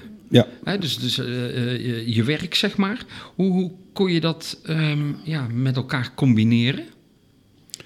Ja, gewoon een strakke agenda houden. Zorgen dat je alles eh, doet wat je doen moet. Want ja, dat heb ik natuurlijk ook mijn hele leven wel gedaan. Dat je alles wel deed wat, eh, wat, wat er moet. En eh, ja, ik geloof dat ik daar ook wel heel consequent in ben. Als ik iets heb aangepakt, dan maak ik het af. Mhm. En eh, of dat zakelijk is of privé of eh, sport. Ja, nou, dat eh, is een beetje afspraak is afspraak. En dat, dat geldt ook naar andere mensen toe natuurlijk, vooral naar andere mensen. Ja, nou, dan moet je er gewoon zijn. Ik, ik denk dat ik wel heel goed heb kunnen combineren. Ik heb ook wel eens gezegd, ik kon dit allemaal doen. Ook allemaal die andere, die, die sociale en culturele dingen die ik nog van mijn leven heb gedaan. Mhm. Eh, ja, die kon je doen omdat je een eigen bedrijf had. Ja, ja. Ik denk als ik een baas had gehad, dan eh, was ik eh, meteen de kei opgetrapt. Dat niet goed gekomen. dus, want want als je zoveel wedstrijden rijdt en je hebt een druk zakelijk bestaan, ja, dan, dan moet je ook ja, goed voor jezelf zorgen. Hè? Dus dat, dat, je, dat je lichamelijk in, in Ja. conditie blijft. Ehm, eh, hoe doe je dat? Ja, dat heb ik eigenlijk altijd wel gedaan. Ik heb mijn, ja, mijn hele leven wel gesport. Niet dat ik nou eh, zo'n eh, atleet ben, maar ik heb eh, ja, wel altijd uh, ja, gehockeyd, sowieso mijn hele leven lang. Eh, dat, dat is bij ons familiesport zo'n beetje. En eh, ja, en met, met vrienden ging ik wielrennen en ja, ik, nu nog, ik zwem en ik doe hardlopen. Eh, En ik ga naar, eh, naar de fitness. eh, ja, Daar ben je eigenlijk ja, je hele leven wel mee bezig en, en mee bezig Ja. gebleven. Ja, maar zonder, zonder extreem eh, te doen hoor. Ik kan echt niet de, hele week in de sportschool om, om maar fit te blijven. Hoor. Dat, Nee. Nee, maar als je zegt ik, hockey, eh, wielrennen, du- doe je het- doe je het alle twee nog steeds nee, of niet meer? Nee, hockey, ja, hockey wordt ook iets minder. Maar, Mhm. Maar dat, dat komt ook omdat het elftal waar ik in speelde uit, een beetje uiteen is gevallen. Omdat, ja, hakelen er dan toch veel af. En dan, nou. Mhm. Maar eh, ik doe het nog wel. Ja. Wielrennen, hoorde ik net? Nee, nee, Nee. doe ik ook niet. Doe Nee, niet meer. nee. Te lastig geworden? Nee, ja, dat is een kwestie van, van tijd ook. Eh, Ja. eh, ja, een kwartiertje fietsen is niks. Hè. Dan moet je een paar, uur, paar uur gaan. nee, klopt, klopt. Ja, ja. Dus, want eh, eh, sporten is, is, is, is eh, dus wel een, echt een onderdeel van je leven. Dat werken, dat, dat, dat, ja, dat zit, ja... Ja, ik maak, eh, vergis je niet, ik maak wel lange dagen. Hè. ja. En dat 24-7. hè. Ja, ook mijn eigen bedrijf. Ja, dat, dat is 24-7. Ja. Ik kan ook, als je naar mijn agenda kijkt, Mhm. nou, nu nog, iedere dag gewoon tegen afspraken. Ja. Maar van de andere kant ook, ja, de volgende week, eh, ja, dan rijd ik Kroatië en dan staan er gewoon eh, eh, acht grote strepen door, de, daar staan geen afspraken. Punt. Nee, nee, nee. Nou, En dat, dat, dat is dan wel fijn dat je ja, de eigenaar bent. Ja, ja. Ja, en intussen doen de kinderen het, dat scheelt natuurlijk ook. wel. Dat scheelt ook wel. Hè? Ja. Of zeg je niet, hé hey, pap, eh, ik heb je nu nodig hoor. Nee, ja, niet op die manier. Maar, eh, maar er wordt, eh, ja, er wordt uiteraard nog wel, eh, er zijn er wel wat onderwerpen waar ze vragen van, hé hey pap, kun je eens even meekijken? Ja. En, eh, maar ik, eh, ik moet zeggen, ja, de, de kinderen doen het ook bijzonder goed. Dus dan is, maakt het ook wel makkelijk om het, eh, om het aan ze over te laten. En dan moet je ook niet meer mee, eh, willen doen. nee. Dan, ehm, als we even terug weer, weer gaan in, in, in de tijd 1985. Dan, eh, we hadden het er net al eventjes erover met de, de, de, Opel, de Opel Manta. Ja, echt een iconische rallywagen. Een, een wagen eigenlijk uit de jaren 70 en, en 80. Eh, de, de A-Manta eh, tot 1975 en vanaf 75 de B-Manta, zeg maar. En in, eh, in ehm, eh, ja, toch, toch behoorlijk veel, een, populaire auto was dat wel, wel in Nederland. En ook, ook bekende internationale rallyrijders die, die, die ermee reden, hè, met Ja. die, die, die B400. Eh, ik, ik heb hier staan Henry Toivonen, Arie Vatane eh, van, van de Rotmans Opel-team. Maar ook Guy Colsoul van het Opel Bastos Belgium eh, team. En in Nederland hadden we het Opel Dealer Team. Hè, met onder andere Jan van der Marel, Paul Maaskant, Maurice Bergstein en Henk Vossen. Ja. Hoe, hoe zat dat? Nou ja, dat, eh, eh, zoals gezegd, ik was in 83 eh, Nederlands kampioen geworden. Toen heb ik een nieuwe auto, een nieuwe Escort gebouwd eh, in 84. Dat was die, eh, die blauwe.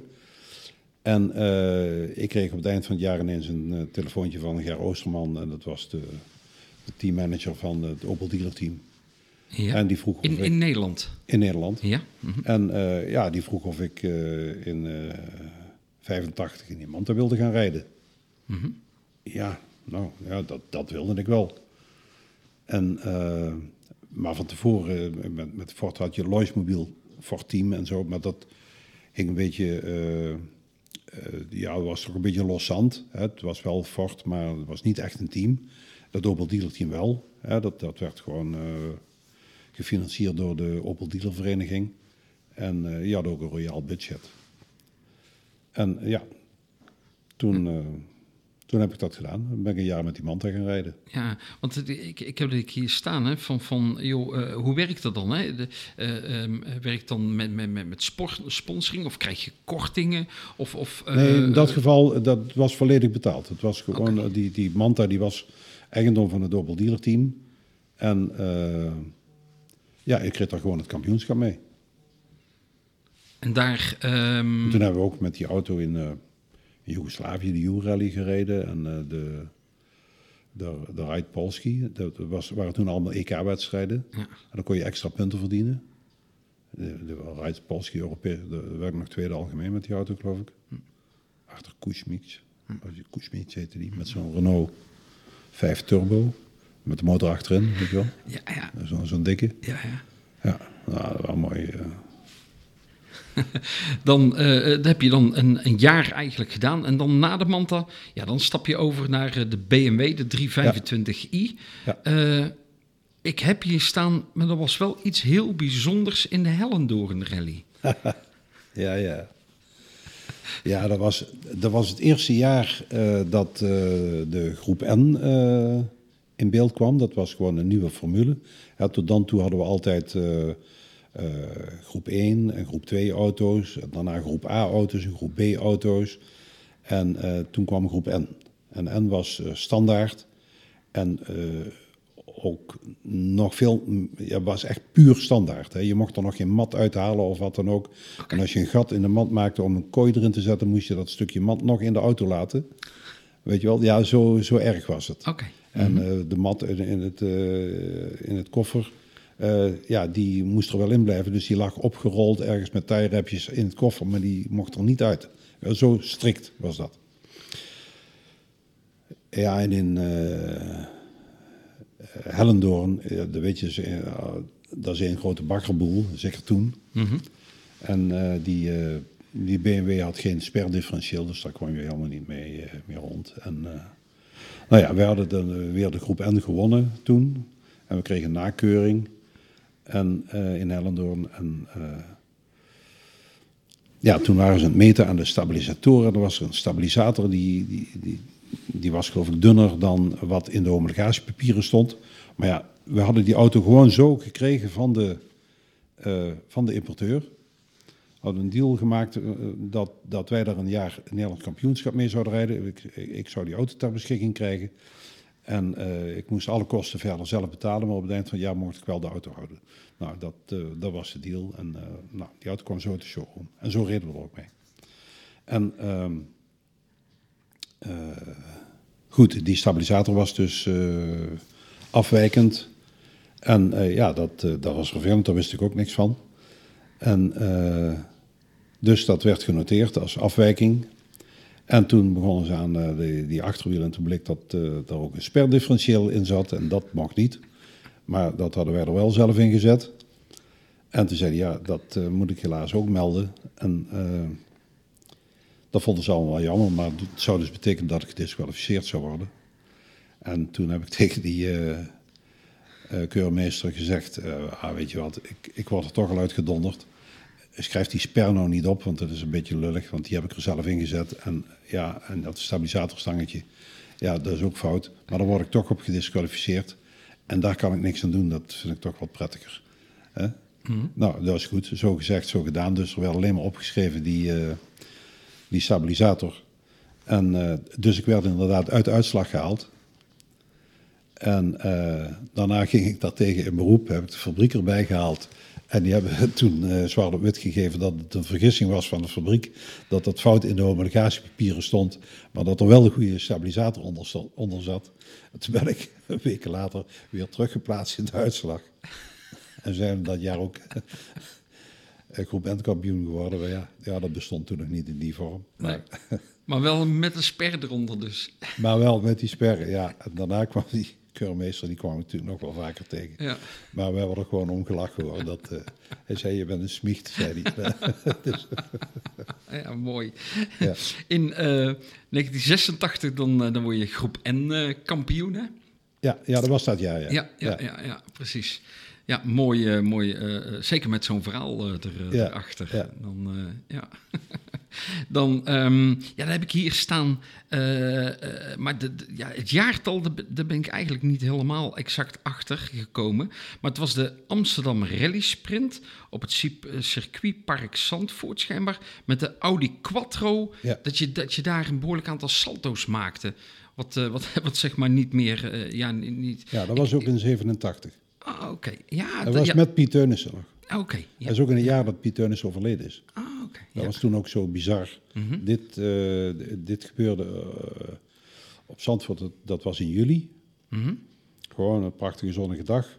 En eh, ik reed toen mee in die sprint buiten mededinging, geloof ik. Ik weet niet waarom. Oh, vandaar. en, maar we reden wel snelste tijden. En eh, met die, en die hadden we helemaal geprepareerd om daar op dat circuit. Maar ook dat binnenterrein moest je over zand nog stukjes. En eh, door de paddock eh slalommen en zo. Maar goed, eh, eh, ja, ik wilde daar bosuit toch plankgas uit kunnen komen. Daar stond een chicane, maar die kon je vol nemen, had ik bedacht.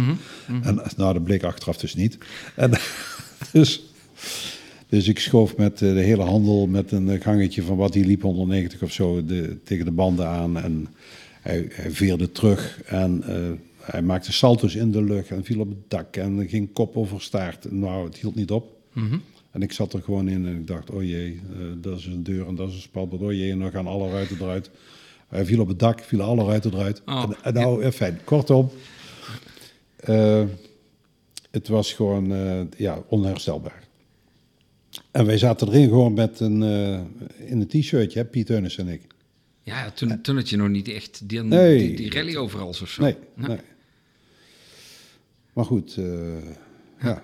Ja, want, toen was je auto totaal los. Ja, ja, precies. Want eh, ik heb hier wel staan dat ehm, het opbouwen was destijds daarna heel lastiger dan gedacht. Want de straatauto die kwam niet echt overeen met de rallywagen. Ja, ja, ja, ja, dat klopt. Ik had toen die, er was toen een witte Audi 80 Quattro. Mhm. Die had ik trouwens van Van Merkstein gekocht. En die kwam van Ras Sport. In, eh, maar dat was, eh, die was ook weer eh, ja, zo uitgekiend geprepareerd... dat eh, ze zelfs, eh, om, om, de kasten van de wielen te veranderen... eh, ja, hadden ze de, de poten helemaal achterover gelegd. En daardoor zaten de voorwielen ook verder naar voren toe. En dat paste natuurlijk de spatboten niet meer. En dan kreeg je tussen de voordeur en het spatbord kreeg je een, eh, ja, in plaats van een, eh, een opening van een paar millimeter, eh, zat er wel een centimeter. En ja, dat, dat viel op. Dus hadden ze daar heel stukjes metaal aan vastgelast. En dan weer mooi geplamuurd en gespoten. Dus je zag dat zo niet. Maar als je er gewoon spatbord op zette, past het gewoon niet. Voor geen meter. Nee. Want eh, zo'n Audi Quattro, maar die, die Ja. Escort, eh, die Cadet. eh, dan, dan heb je daarna zeg maar ook met een Lancia Delta Integrale gereden. Ja. Over, overigens maar acht wedstrijden zag ik. Ja. Waarbij ook nog eens een keer drie keer uitviel. Misschien dat dat wel toen de reden was- was. Ja, dat, dat was gewoon een. Eh, dat, dat- dat was 1990, geloof ik. Of Ja, 87 Oh, heb ik hier 89. staan. Nee, Ja. met die Lancia. Oké, ja, dat, ja, dat was in 89. 89. Ja, Ja, ja. dat was een drama. Ik, eh, ik, ik moet zeggen dat ik eigenlijk eh, ja, slechte ervaringen heb als ik terugkijk met, eh met dealerteams. Dat was met, met de Opel al. En eh Oosman heeft het ook wel eens later tegen me gezegd. We gingen van het Opel dealerteam rijden. En die auto die, die stond eh, in januari nog van dat jaar bij Heimbach. Daar werd helemaal opnieuw opgebouwd. En dat was een, eh, een chassis, dat was gewoon krom. En, de, de, eh, en wij zagen dat. We zijn er toen als team, hè, want ik had toen ook al mijn eigen service team. En we gingen naar die, de preparatie van die auto kijken. En we zeiden, ja, maar je gaat toch niet op zulk chassis een, een, een, auto opbouwen? Dan pak je toch een nieuw chassis. En Heinbach die zei ook, hij had tegen Opel Dealer Team gezegd, uh, Jan Meester was toen teammanager. Komt nou een nieuwe body, je hebt hem, die hadden toen een budget van 700.000 gulden. En uh, koop een nieuwe body, kost 12.000 mark. heb je een strakke auto en... Uh, nee, nee, dat mag niet. Nou, dus die auto die is altijd gammel gebleven. En ja, later dan, dan, dan verloor je ook van Marel de wedstrijd op zes seconden en zo. Die gewoon helemaal terug kon brengen naar die auto. Dat was gewoon doodjammer. Hm. Als ze daar een goede auto van hadden. Maar dat was een Opel dealer team. Daarna had je uh, Lancia. Toen uh, met André Schonewolf gingen we een Lancia zoeken. En uh, we kwamen in Engeland terecht bij Safety Device. En er stond een prachtige auto. Die was door de fabriek geleverd aan Patty Ricola aan. Die had daar net de RSC meegereden. Het was een top fabrieksauto. En nee, de importeur wilde toch per se een auto kopen bij, bij, bij Abarth. Want dat was de officiële tuner en ze wilden die niet ergens anders kopen. Terwijl dat later, toen we die auto's vergeleken, zagen we dat wat wij hadden gekregen was echt gewoon een, een cliëntieauto. Waar je echt geen, uh, niets meer kon winnen. Nee. En uh, ja, later bij, bij de Mitsubishi gebeurde het weer. Terwijl ook, de, de, ik, ik had een auto gehuurd en daar had ik de Hellendoor mee gewonnen. En toen zeiden we, nou, die gaan we kopen, want daar gaan we een jaar mee rijden. Ja, wilden zij een andere auto kopen die veel duurder was, maar niet te onderhouden. En, ja, en dan komt, ja, als PR-managers uh, auto's gaan kopen, dan gaat het mis. Dan kan je beter een ja. goede techneut laten doen. Ja, ja en, en niks ten nadele van die PR-managers die het allemaal prima hebben gedaan. En ik ben er nog steeds dankbaar voor dat ik hè, met die mensen in die auto's heb mogen rijden. Ja. Maar ja, er is niet uitgekomen wat er... De keer dat ik kampioen ben geworden was gewoon met mijn eigen spullen. Ja door de jaren heen heb je, heb je uh, zo'n zo'n twintig verschillende rallyauto's uh, gereden. Hm. Uh, als, je, als je terugkijkt op al die jaren, waar heb je dan ja, qua auto de beste herinneringen aan? Oh, ik denk dat er wel veertig zijn hoor. Maar ja, okay. ja. maar um, ja, wat waren fijne auto's. Ja, die Escort natuurlijk had heel veel schik in. Ja, die, die, die... Alle auto's hadden toch wel ook wel iets. Die Manta was ook hartstikke stoer. Uh, Lancia, ja, dan zat je gewoon te erger dat het ding niet vooruit te branden was. Uh, omdat het gewoon zo'n cliëntieauto was. Mm -hmm. Een auto die, die echt mooi reed, dat, dat was die grote Mitsubishi Galant. Heel stabiel en uh, prachtige vering eronder. Daar kon je echt snoeihard mee rijden met zo'n ding. Ja. Ja, ik moet zeggen dat ik, ja, ook als ik nu kijk naar de Fiesta die ik nu heb, mm -hmm of, of had, hè, mm. bijna. die, uh, ja, vind ik ook een fijne auto, gewoon als instappen rijden. Ja. Nou, ik, ik, ik vind het lastig om te zeggen welk ik nou uh, mooi vond. Ik, ik, denk waar ik echt helemaal van bank mee kon rijden, dat was die, uh, die Audi 80 Quattro. Ja. Dat was een tank. Kon je echt kon je mee stoepen op en afrijden, bij wijze van spreken. Ja, ja. Dat, was in 1988 ben je er ook groep A kampioen mee geworden, hè? met die Quattro, hè? samen met uh, Johan Vindammer. Hè? Ja. Ja, ja. ja. ja. precies. Hey, um, ja, noem net al de naam eventjes uh, Johan Vindhammer. Um, um, uh, maar André Schonewolf bijvoorbeeld, ja. heb je ook meegereden. Um, uh, eerder in 1982 al een wedstrijd. Um, Rally Vino de Madeira. Oh, Madeira, ja, ja, ja dat klopt. Ja, ja, die heb je ja, dat was ook een verhaal. Ik wil wel zo nog even op die navigatoren terugkomen. Ja, zeker, zeker, zeker, zeker. maar Vino Madeira, ja, dat, dat was ook zo'n verhaal. Ik had toen net dus dat, dat bedrijf Zonnebloemchemie overgenomen. En ik zat ook voor een verhuizing met het hele bedrijf. En ik had uh, gezegd in 82, ja, ik ga dit jaar geen rallies rijden, want ik moet me nu even helemaal aan de zaak wijden. Ja. En toen kwam André, ja, maar ik was toen via B-rijder, dat, dat was toen een soort prioriteitsrijder mm -hmm. of zo. Mm -hmm. En ja, maar je bent via B-rijder en dan kan ik mooi bij die bij die rally kan ik condities bedingen. En, Ik zei, ja, André, ik ga het echt niet doen, want dan ben ik een week weg en dat gaat niet. Ja, maar je gaat toch ook met je gezin op vakantie dit jaar? Dan kun je het toch combineren? Ik nou, André, luister, laten we dan zo doen. Eh, als ik naar eh Funchal kan, met mijn hele gezin en met het team... En ik hoef verder niks te doen. Ik ga niet over de weg naar Lissabon rijden en dan met de ferry naar eh Funchal. Ik wil gewoon in het, met het vliegtuig er naartoe, met het vliegtuig terug. En ik wil dat de rallyauto hier in Tegelen in een container gereden wordt. En daar eh, maken we de container open en halen we hem eruit, inclusief het serviceauto. Als je dat allemaal regelt en dat ik dan ook nog tien dagen na daarna eh, in eh, Madeira kan blijven, dan, dan gaan we.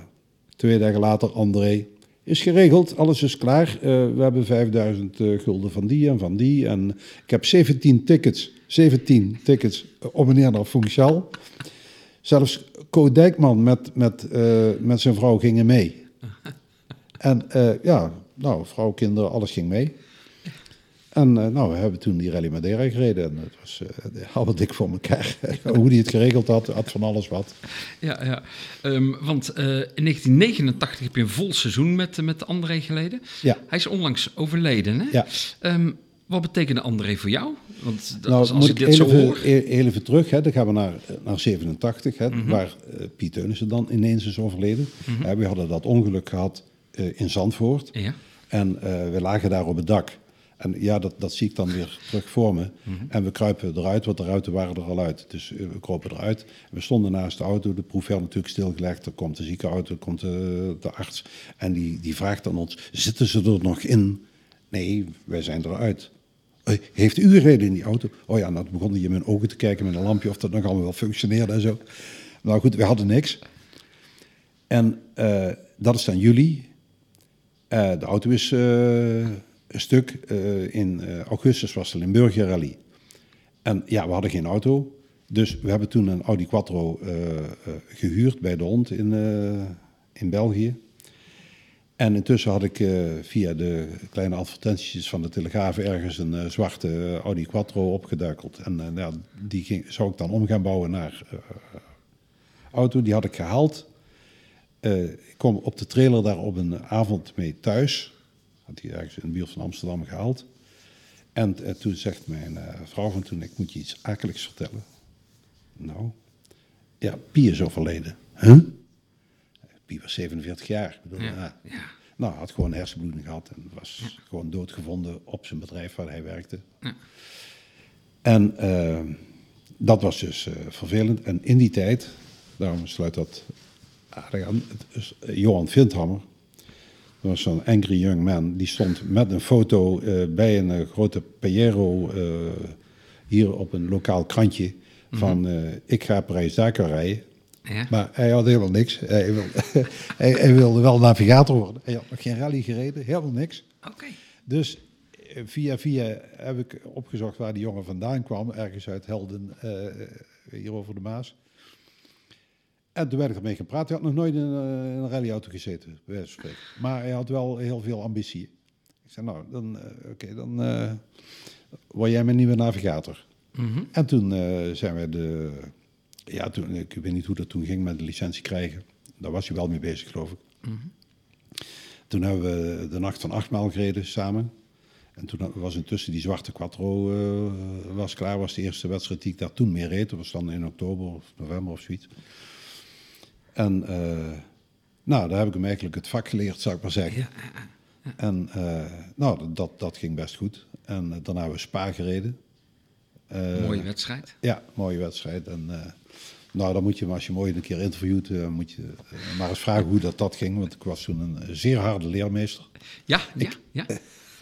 Ik, gewoon, ik ging gewoon het traject tien keer rijden, totdat hij het goed zei. Weet je wel? Ja. Keer de kont, terug. Ja, Nee, ja. niet goed. Oké. Dus echt eh, dan, dan eh, eh, het navigeren echt eh, leren. Ja, echt, maar nooit lezen. Op tijd Ja, lezen ja, en ja, een ja. goede ritme en noem maar allemaal op. Juist maar goed, we hebben toen intonatie. 87, dus ik heb in 88 met hem gereden. Mhm. En toen eh, heb ik contact gezocht met eh, Lancia, omdat dat toen eh, populair was en zo. Ik dacht, nou, moeten we een keer met... En toen bleek dat... André ook met Lancia bezig was om een equipe... en misschien had hij dat wel met Andervang willen doen, of, want daar was hij nogal strak mee. En, ja, en toen zei, zeiden ze bij Lancia... eh, Waarom doen jullie dat dan niet samen? Jullie zitten allebei te zeuren voor een Lancia. Dan ga je samen in die auto zitten. Ja, eh, prima idee. Dus vanaf dat moment zijn we gewoon samen opgetrokken. Alleen, ik had wel afspraken met, met, met Johan. maar dat wilde de importeur niet. Die zei, ja kijk, die jongen die rijdt net een jaar. Ja. Daar gaan we niet zo'n project aan ophangen. Ik wil dan dat je dat doet met... Nou, daar hebben we goed over gesproken. En eh, toen is eh, Johan, ik geloof dat hij toen meteen al met Eddy van den Hoorn is gaan rijden. En met nog iemand, hoe heet hij, eh, met de BMW. van Eek, Johan van Eek, heeft hij toen gereden. Dus dat, die was wel goed onder de pannen, dat dat Ja. allemaal netjes eh, Ja. ging, zou ik maar zeggen. En, eh, Nou, toen eh, zijn André en ik gaan rijden. Ja, wat, wat, wat voor navigator was, was André? Want, want zeker de ja, wat oudere mensen in de rallysport, ja, iedereen kent André. Ja, André is ja, in één woord is gewoon een regelneef. Mhm. Hè? Dus je regelt alles, alles er rondomheen, ook slimme dingen, kent de reglementen goed en weet je wel, weet dan precies de weg te vinden. Maar eh, ja, hij ontzorgt je ook helemaal. Hè? Dus eh, de- ik, ik vind ook een navigator is eigenlijk de reisleider. Mhm. Eh, en die eh, zorgt dat iedereen op uur en tijd is waar, waar die zijn moet. Nou, en dat deed André uitstekend. En misschien was hij niet eens de beste qua eh notes lezen. Eh, maar wel alles daar rondomheen, eh, dat klopt als een zweerende vinger bij André. Dat maakte hem eigenlijk eh, tot, eh, tot wat hij geworden is. Hè, dat, dat regelen, dat, dat zorgen dat het, Ja, eh, ja, het eigenlijk, eigenlijk gewoon het voor elkaar hebben. ja, ja. ja we- maar wij waren al vanaf 82, dus we waren eigenlijk wel... Ja, we waren gewoon goed bevriend. En eh, ja, die vriendschap is alleen maar groter geworden. En, ja. fijn, is ook gewoon gebleven. Ja. Ja, we hebben het over de navigatoren. Hè? Eh, we hebben het over Teunissen gehad. eh, eh, ook ehm, eh, dat je daar een goede klik mee, mee had. Maar ook Arie Lekkerkerker bijvoorbeeld. René Smeets. Ja. Ehm, eh, maar ja, we hadden het net al even over, over Johan. Ja. Ehm, daar heb je ja, verreweg volgens mij de meeste wedstrijden wel mee Oh, gereden. dat zou best kunnen. Ja. Ja. Hoe, hoe, hoe kwam die, die, ja, die binding met jullie? Dat, dat, dat... Nou, ja, kijk, hij heeft het hele notes eh, maken en lezen heeft hij van mij geleerd. Dus hij, hij doet het ook precies zoals het hoort. Ik eh, hoor nu nog wel eens eh eh, onboardbeelden dat hij rijdt met iemand anders. En dan denk ik, ja, hij doet het nog altijd goed. Precies, zak, zak, Ja. zak. Niet, Ja. niet te veel, niet te weinig, op tijd. Ja. Dat, dat soort dingen, daar, ja, daar kan ik dan wel streng op zijn. Ja, dat, Ik ben een goede meester geweest, eh, wat ja dat betreft. misschien wel. Dus ehm, de afgelopen jaren dan, dan, eh, dan ben je daar eigenlijk wat meer in, in, in aan het wisselen. Hè? Hè, dan, dan, eh, nu bijvoorbeeld Radboud van Hoek zag, ik, zag ik staan. Ja. Dat je daarmee gaat rijden. Je hebt Annemieke bijvoorbeeld heb je meegereden in Monte Carlo. Ehm, eh, Hans van Goor bijvoorbeeld, vorig jaar Kroatië. Ehm, speciale reden dat dat Nee. Of, of Nee, laat ik het zo zeggen. Ik vind het eigenlijk. Het, het is gewoon jammer dat die, die mensen zijn allemaal goed, maar dat die niet allemaal eh, eh, de tijd hebben om de rallies te rijden die ik wil rijden. Ja, ja, ja. Hè, ik, ik, ik, ik noem maar wat. eh, op een zeker moment had ik afgesproken dat ik met Erwin Berghoff zou ik dan min of meer eh, vast gaan rijden. Maar ja, goed, heeft ook nog zijn verplichtingen aan Timo van der Marel. En Ja. dan gaat Timo van der Marel, maar die, die rijdt dan eigenlijk weer met zijn vrouw. Hè, gaat hij rijden, maar goed, dan is hij zwanger. En dan, ja, Ja. dan eh, springt Erwin toch weer bij, want ja, dan vindt hij toch dat hij dat moet doen. Mhm. Dus dan moet ik voor een invaller zorgen. Ja. En, nou, ja, en zo eh, krijg je dan dat je eh, ja, een beetje wisselt van, van, van navigator van tijd tot tijd. En dat is natuurlijk wel, wel jammer. Maar van de andere kant, ja, ik rijd dit jaar drie WK-rallies. Ja, eh, je moet maar iemand vinden die ook drie keer eh, zes dagen vrij wil nemen. Ja, ja. Dat, ja. Nee, klopt, eh, klopt. Dus ja, die zegt dan ja, eentje dat kan wel, of twee, maar weer niet allemaal. Want Radboud, daar reed ik ook de, straks de eh Central Rally mee. Maar Ja. eh, ik ben blij dat hij dat nu doet. Fijn, zo, Ja, ja, zo komt het. Er zijn verder geen redenen voor, want ik vind dat allemaal goede navigatoren. ja. Welke eigenschappen moet een goede navigator hebben? Want je, je, hebt er, het zijn allemaal goede navigatoren waar ik, eh, waar ik mee rijd, maar wel- welke eigenschap vind je daarin ja, belangrijk? Ja, nou kijk, we hebben tussen een team waarbij eh, de hele eh, organisatie rondomheen prima geregeld is. Dus die navigator hoeft wat dat betreft, hè, qua hotelsreservering, inschrijving, et cetera, hoeft hij niks te doen. Dat, dat doen wij hier wel. Dat doen eh, zelfs hier jong, eh, jongens uit het team. En waar ik het straks over had, eh zo'n Lou Ambaum, die hier al meer dan 40 jaar navigator is. Nou, die doet dat gewoon helemaal. Ja, ja. Of navigator, eh, service, Service team. service team leidt. En ehm, eh, je- wat, wat, wat je dan van hem verwacht, nou ja, dat je, een goeie- dat je een goede compagnon hebt eh, waar je een week mee op kunt trekken natuurlijk. Eh, ja, dat hij zorgt dat, dat iedereen op uur en tijd is eh, waar hij zijn moet. Eh, maar in de auto, eh, ja, daar gaat het dan eigenlijk om. Ja, dat, dat hij wel ja, dat, dat je je overeenstemming hebt over hoe, hoe je die notes gaat lezen. En, dat, en dan merk je wel dat er navigatoren zijn die hebben ook hun gewoontes. En eh, de een wil die eh, eigenlijk invullen in jouw systeem. Daar heb ik niet zo'n trek in. Eh, maar van de andere kant, als ze het zo lastig vinden dat, dat het tot problemen leidt, dan pas ik me liever aan. Ja, wat ik straks zei, als hij zegt, ja, ik vind dat met key en fase slide, dat vind ik allemaal lastig. Kunnen we daar niet eh, 1, 2, 3, 4, 5, 7 van maken? Nou, dan doe ik het morgen. Ah, oké. Hè? Dat, Ja, dat- dat- dat, dat- dat maakt me, dat maakt me dan geen bal uit. Dat zou ik gewoon doen. Ja. Als hij zegt, ja, Henk, ik vind alles leuk, maar dit, dit, eh, dat ga ik niet leren. Uh-huh. Dan, dan vind ik dat prima. Maar eh, zeg het dan. En, en, en niet dat tot problemen leiden. En, eh, ja, ik noem iets eh, flat over bro. En, eh, de meeste Nederlanders noemen dat top. Mhm. Ja. Hè?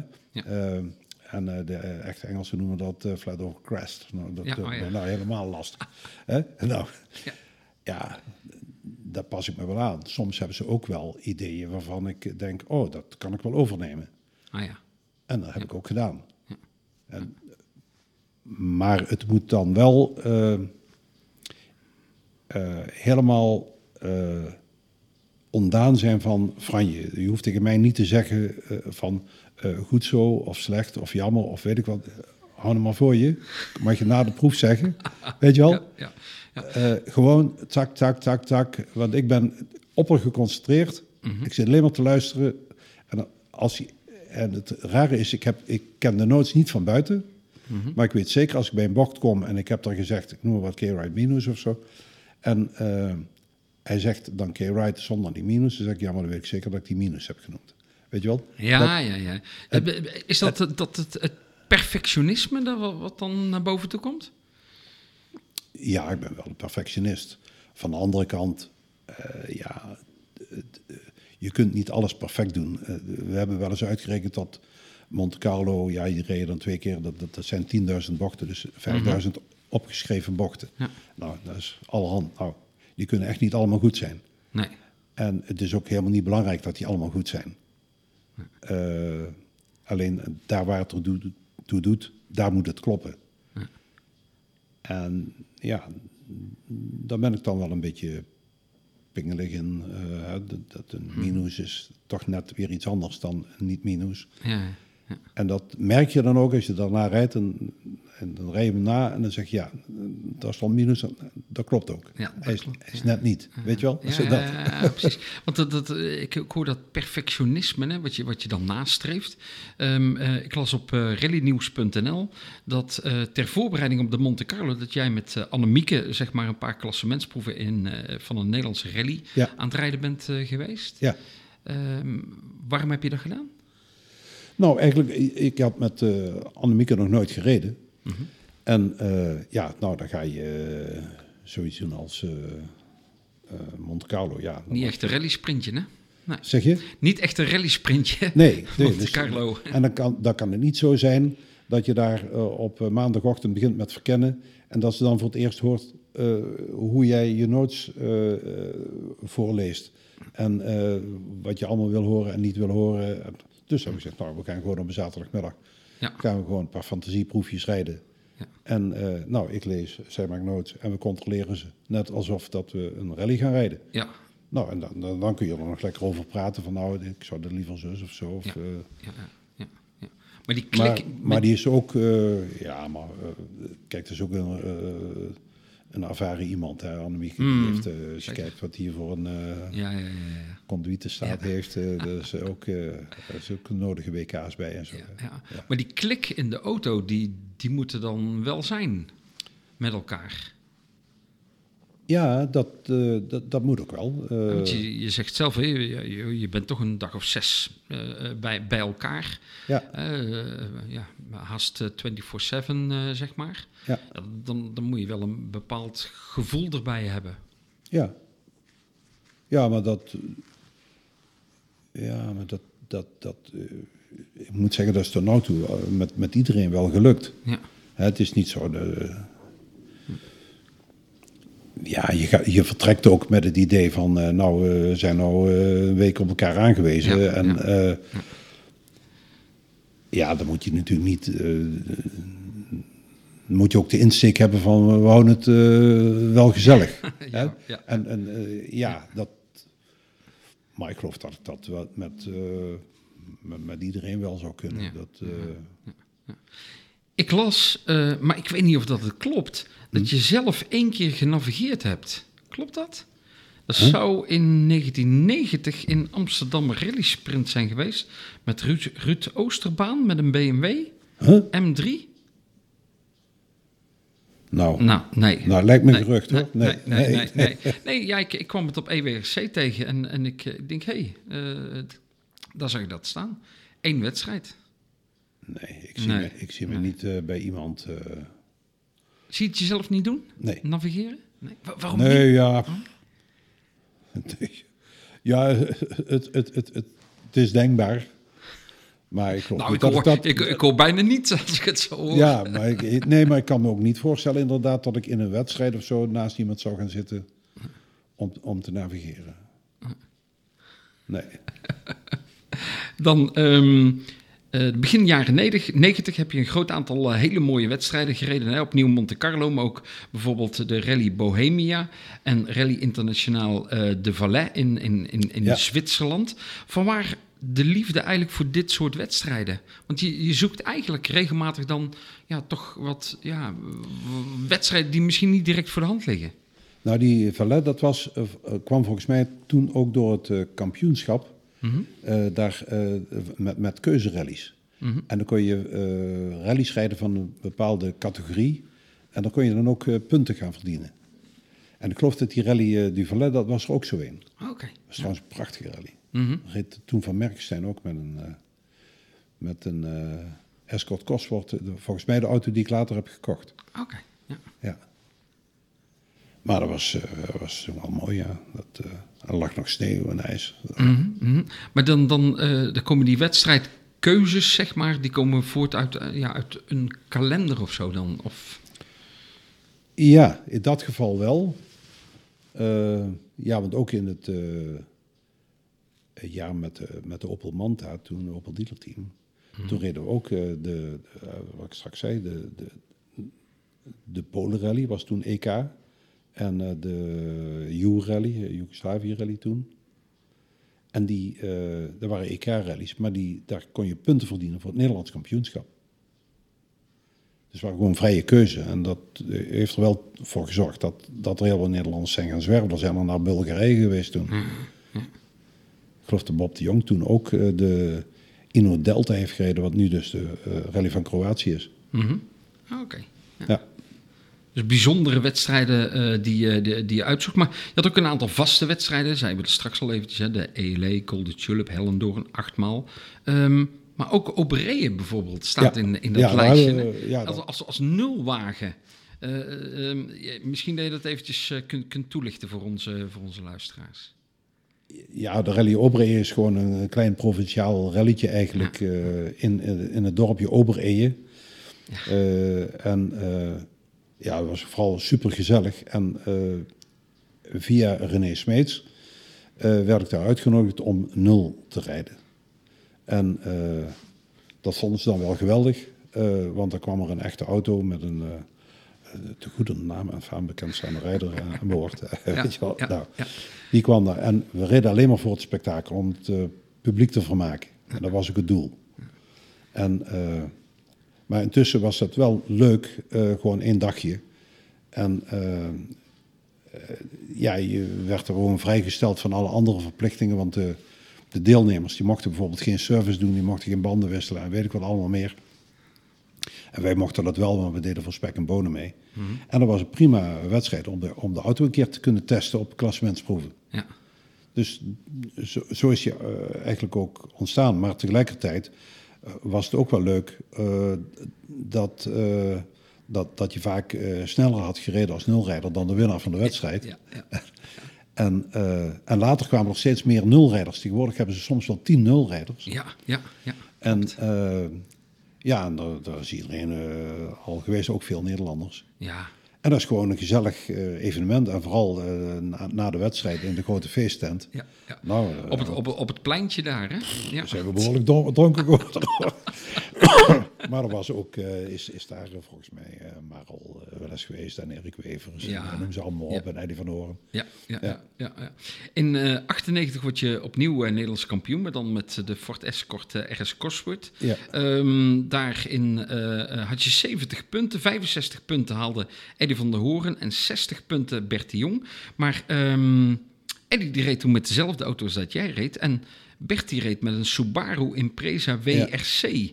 Ja. Dat was, dat, volgens mij moet dat een, een, ja, een behoorlijke strijd zijn geweest. Ja, eh, toen is dat, flink dat, eh, dat jaar. Ja. Ja. ja. en dat is eh, ook een jaar met Re- René Smeets. Daar heb ik later nog wel vaker mee gereden. Daar ben ik heel erg dik mee bevriend, mag ik wel zeggen. Dat is ook een, eh, dat is echt een, dat is nou echt een bijzondere navigator. Eh, in, eh, in hoe heet dat, Automotor Klassiek, dat- ja, zo heet dat blad, ja. ja. Daar wordt hij steeds René Meester Smeets genoemd. En waarom? Hij is echt een kaartlezer van, van huis uit. Hij organiseert nu nog steeds Horneland Rally en zoiets allemaal. En zijn kop uit Europa. Nou, dat zijn, hij is echt de organisator. Maar hij is een kaartlezer zoals er volgens mij geen tweede is. Die kijkt op de kaart, oh, daar moeten we naartoe. En dan legt hij de kaart weg. En heeft hij die kaart al in zijn hoofd. Dan moeten we daar links. En dan eh, eh, drie kilometer ga je daar rechts. En dan zo heeft hij die kaart in zijn hoofd. Denk, dit, dit bestaat niet.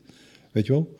Maar met notes, eh, als je kijkt naar de notesboeken van de meeste navigatoren, die hebben een mooie ringbandje. En, eh, en eh, met grote letters, dat staan maar eh, een stuk of eh, eh, zes, zeven regels op één bladzijde. En, en hij kriebelt gewoon alles achter elkaar en denk je, oh, dat is een kladje.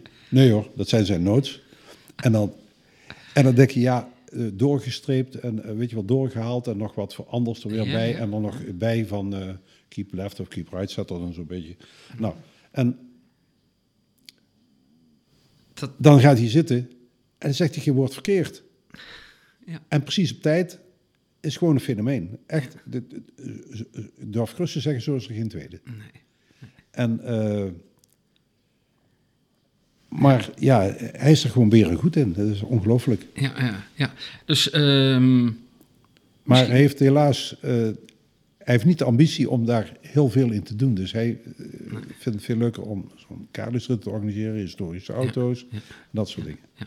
Maar eh, als ik jou zo hoor, dan heb je eh, de titel in ieder geval ook wel mede aan hem te danken. Ja, natuurlijk. Ja. Ja, is altijd. Ja. De, de titel haal je niet alleen. Nee. Mooie wedstrijden toen ook, hè? Charlemagne, Hunsrück weer, Ja. Rally. Hè? Ja. Ja, ja, ja, die, hier, die erop stonden. Ehm 2001, 2002, eh, dan eh reed je onder andere de eh Antibes in, in Frankrijk.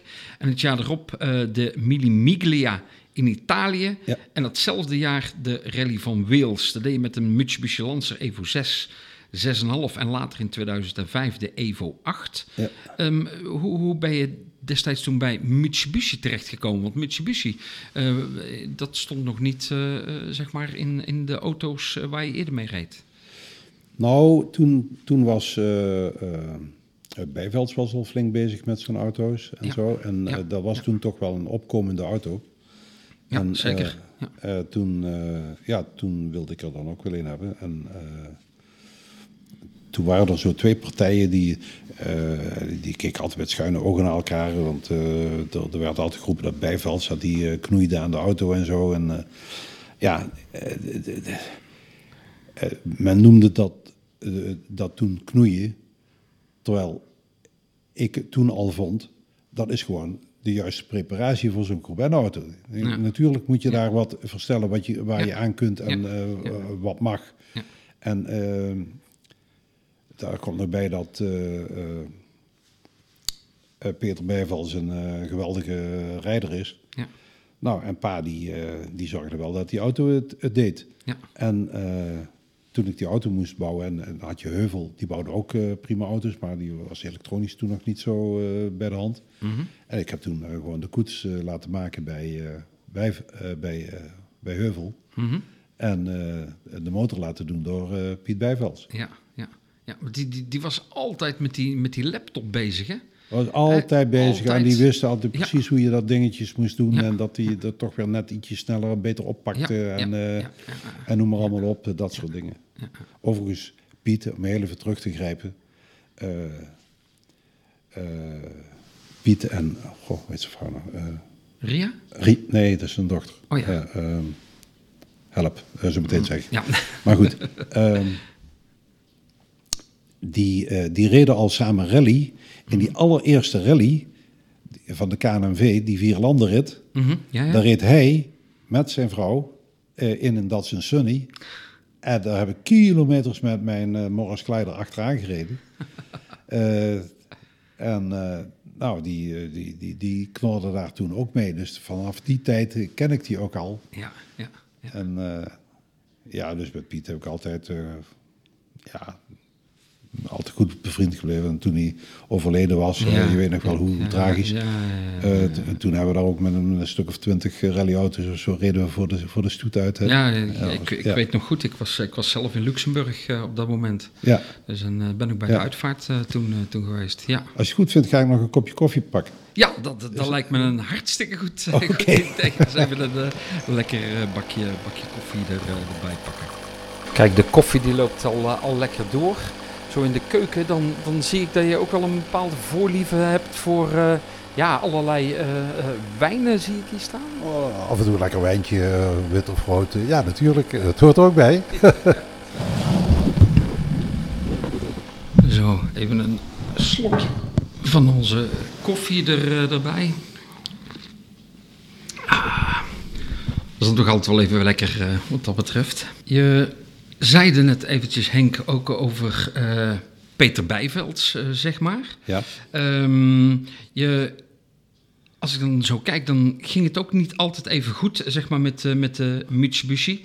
Ehm, maar je had ook niet altijd een hele goede band met de, met de sportcommissarissen. Hè, ehm, eh, ik denk dat 2001, 2002 is geweest. Duitsland Rally samen met Peter Bijvelds. En dat, was, dat was iets met, met, een kenteken of zo.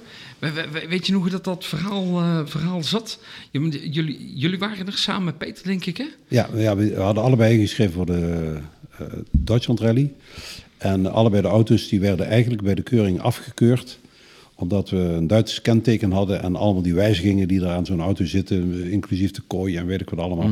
Dat stond allemaal niet op, eh, op de vaartzeugschein, hè, zoals dat eh, heet in Duitsland. En ehm, ja, dus we werden afgekeurd. En eh, Peter Bijvels had heel goede contacten wel bij de TUF. Dus wij konden toen, ik geloof naar eh Saarbrücken of zo, naar de TUF. En eh, die zouden dan eventueel eh, daar iets aan kunnen doen. Nou, we kwamen dan met die beide auto's aan. En die, eh, die keurmeester zegt, ja, dat kan ik allemaal niet zomaar gaan zitten goedkeuren. Want eh, daar, daar is aan gelast en gedaan. En de, dus de samenstelling van de materialen is gewijzigd. Nou, dat kan ik niet zomaar zeggen, dan mag je mee de weg op. Ja, zeiden we, maar dan kunnen wij niet rijden. En ja, Peter was nogal hitsig, die begon. Ik zei, doe nou even rustig. Die man die wil ons helpen. En laat hij nou even... En eh, inderdaad, toen kwam die man en die zegt, nou, ik heb, eh, ich habe da vielleicht eine Lösung für Sie. Ähm, da schreibe ich Ihnen einen Krankenschein. Dat is een, een, een ziektebriefje hè, in Nederlands. Ja, en wa- wat is dan een krankenschein? Ja, nou, de- dat eh, wilden ze schon zien. Nou, toen maakte hij een protocol en daar stond op, eh, bij mij is aangeboden die en die auto. En ik heb de, de volgende mengel, eh, dus eh, gebreken vastgesteld. Er zitten andere remmen op en andere stoelen en er is glas, er zit een kooi in en noem maar op. En ehm, ik heb voorgeschreven dat ze over een maand terug moeten komen met deze auto voor een herkeuring. En in de tussentijd mogen ze met de auto rijden. Ah, kijk. En dus een heel protocol, een heel A4'tje vol met allemaal Ja. mankementen hè, volgens de Duitse regels Ja. aan die auto. Maar daaronder, eh, over een maand moet je terugkomen en eh, dan, eh, maar in tussentijd mag je rijden. Dus met dat briefje gingen wij weer terug naar de keurmeesters. en toen konden we allebei rijden. Zo is dat gegaan dus. ja, ja, ja, ja, ja, dat was prachtig. ja, Ja, echt een keurmeester die, eh, die het snapte. ja. Dan, eh, dan, dan stap je op een gegeven moment weer van de, van de Mitsubishi eh, Evo 9 over naar de WRC 2. Ehm, wa- wa- wat was daar met name het grote verschil in? Van, van, Ja, dat was, dat was eigenlijk een, een Evo 7, maar die was dan omgebouwd tot WRC. Het was een echte fabrieksauto. En ja, die konden we kopen met een heleboel spullen erbij. En eh, ja, dat, dat vonden we dan wel, eh, wel een leuke stap om weer eens een keer wat anders te doen. En, eh, maar ja, die auto heeft het in, het- in WK nooit goed gedaan. En die heeft het dus bij mij ook nooit goed gedaan. Nee, nee want de- dat was maar een korte periode dat je ermee gereden hebt. Ja. Toen ging je weer al heel snel naar Dat was, de was heel 10. lastig te rijden, die auto. Die, Mhm. die, die was gewoon niet goed. Die was niet, niet compleet. En nee, dat, die, die auto hebben we ook nooit echt eh, goed gekregen. Mhm. En eh, er was ook heel weinig van bekend. Eh, je kon die motor die- niet... we wisten niet eens welke benzine dat erin moest en zo. Dat, er was heel weinig van bekend. En dat, dat werd dan niet gedeeld of zo? Nee, ja, die kennis die bestond nergens meer. Dan moest je een monteur zoeken die vroeger bij Mitsubishi in Oh. Engeland Ja. had gewerkt. En die kon je dan wel weer helpen, zoiets, dat soort Ja. dingen. Ja. Vandaar dat je toen eigenlijk snel weer terugging eh, naar, naar eh, de- ja, de, gewone, de Evo 10 eh, toen in, Ja, in, in, ja. in dat geval. Ehm, vrij kort daarna ben je ook weer eigenlijk overgegaan naar de Ford Fiesta, de R5. Ja, ja, De eerste R5. ja. Hè, eigenlijk hè, het nieuwe rally-tijdperk. ja, ja dat was toen wel een hele stap. De- ook financieel natuurlijk, want dat was een flinke stap. En ja, ik wist ook niet eh, of ik daarmee overweg zou kunnen. Ehm, maar ik dacht, ja, ik heb al met zoveel dingen gereden, zou ik daar ook wel mee kunnen rijden. Ja, hoe, hoe bepaal je dan met, met mm, ja, eh, om, om ja, die auto dan bijvoorbeeld te gaan rijden? Nou, dat is wel een hele afweging geweest. Eh, de, je, je kon toen eh, Skoda Fabia, maar dat was een heel lastig contact toen allemaal. En de, de- nieuw eh, was er bijna niet aan te komen. En, dan kon je bij Wevers een, eh, een gebruikte eh, kopen. Dat was ook zeker een goede optie op dat moment. Eh, we hebben gekeken naar eh, Citroën en Peugeot, maar die kreeg je eigenlijk alleen maar een bouwpakket van. Eh, nou, daar hadden we ook niet zo'n trek in. Eh, wat was er toen nog meer? Eh, ja, uiteindelijk hebben we toen voor die Ford gekozen, omdat die, ja, de, die M-Sport, die hebben het gewoon goed voor elkaar. Die hebben goede onderdelenvoorziening, eh, er wordt goed geadviseerd. Eh, ja, dat was eigenlijk wel een warm bad en het ging toen ook echt wel tussen eh, ofwel een gebruik te kopen bij, bij Erik Wevers of een nieuwe bij, bij Ford. En uiteindelijk hebben we dan toch gekozen voor die Ford. En eerst een gebruikte daar gekocht overigens. Daar heb ik toen Monte Carlo mee gereden. En ehm, ja, dat, daar waren we dan toch niet eh, zo content over. Die auto had toch ook al een historie en dat was er wel aan te zien. En toen ben ik teruggegaan en heb gezegd, nou, ik wil toch liever een splinternieuwe hebben.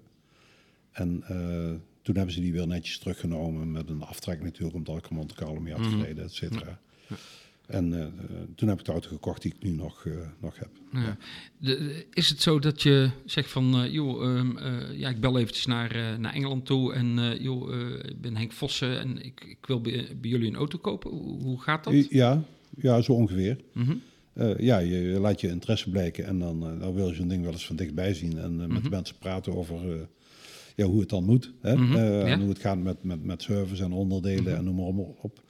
Nou, toen ben ik dus samen met eh Lou Anbaum, hè, dus eh, mijn eh, chief engineer al eh, meer dan 40 jaar, ben ik eh, naar, eh, in eerste instantie naar Engeland gevlogen eh, en daar eh, ja, eens gekeken. En eh, nou, uiteindelijk eh, daar een auto gekocht, ja.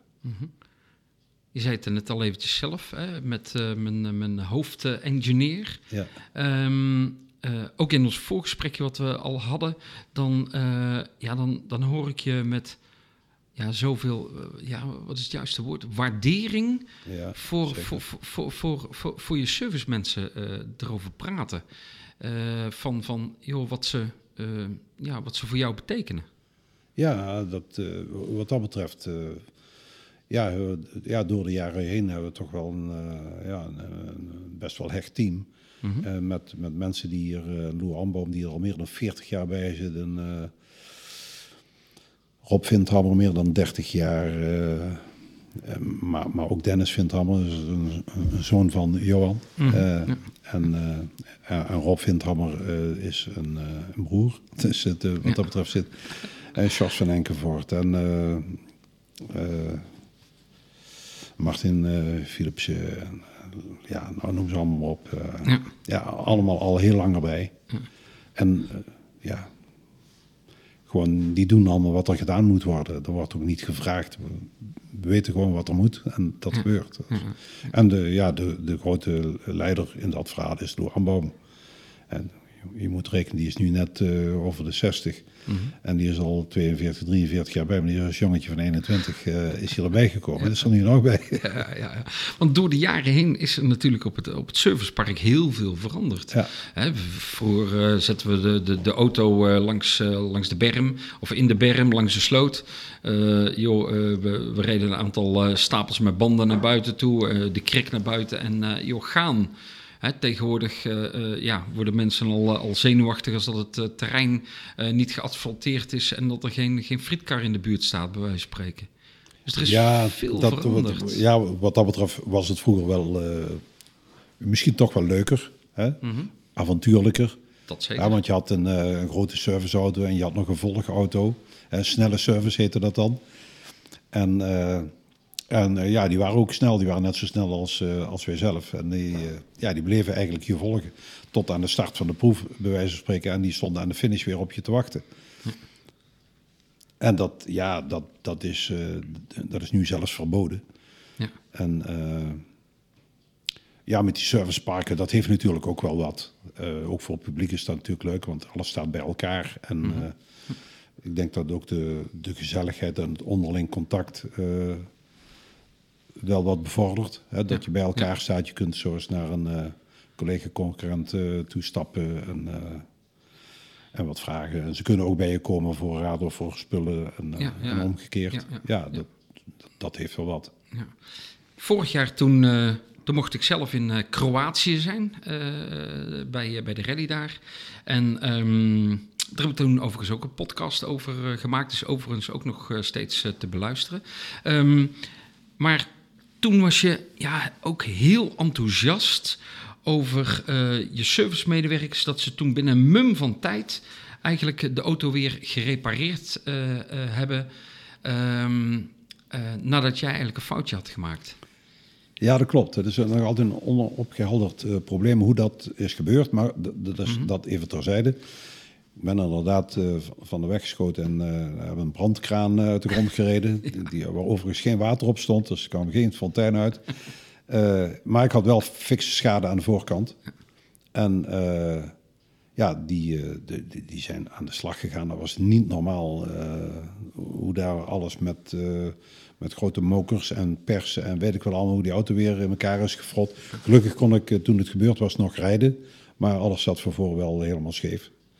En eh, nou ja, ze hebben de auto weer keurig voor elkaar gekregen. En dat, eh, ja, exact binnen de tijd. Onvoorstelbaar. Ja. Ja, ja. 2018 was een bijzonder jaar voor jou. 50 jaar in, eh, in, in de rally-sport.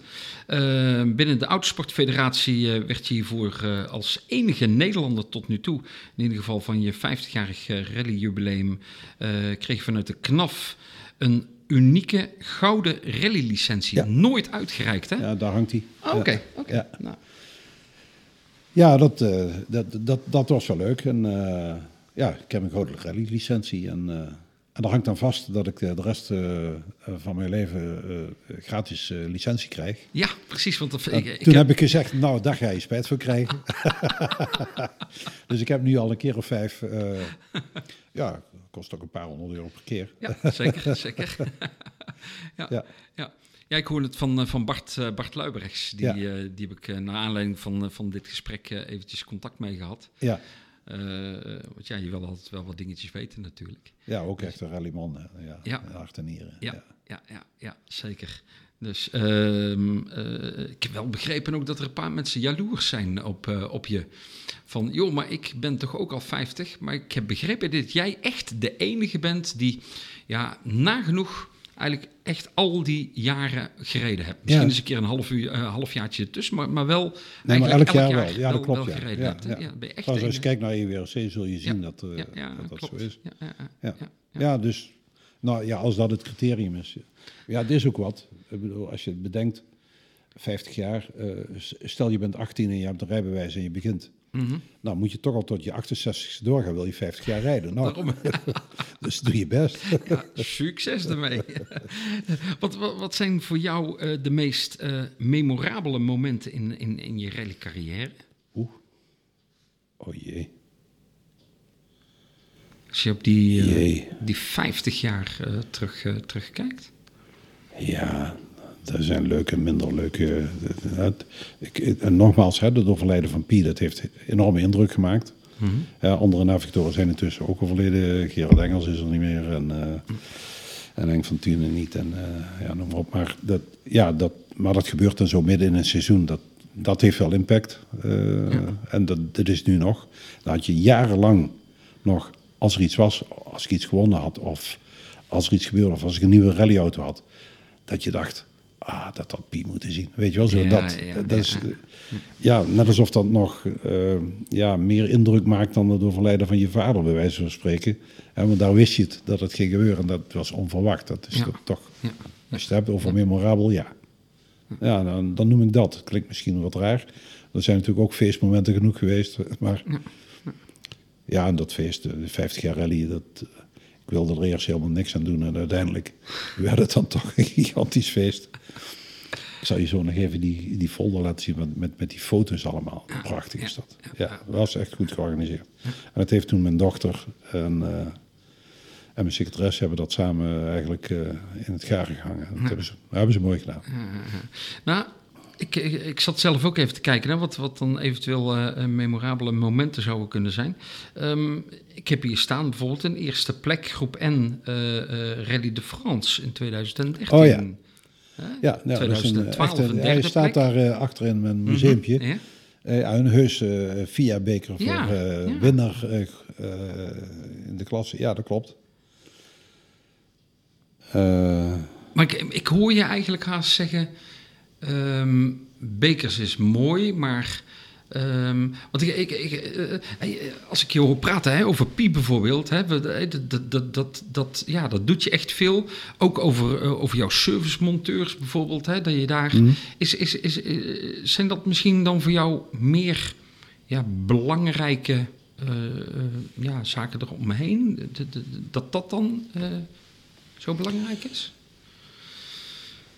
Ja, maar dat, eh, ehm, ja, dat heeft ook veel meer impact. Kijk, die rally, die- ja, die duurt een dag of twee dagen of drie dagen. En dan, eh, ja, dan, dan, dan moet het gewoon. En dan eh, is er maar één ding wat telt. eh ah, dat ding moet op de weg blijven en je moet goede tijden rijden.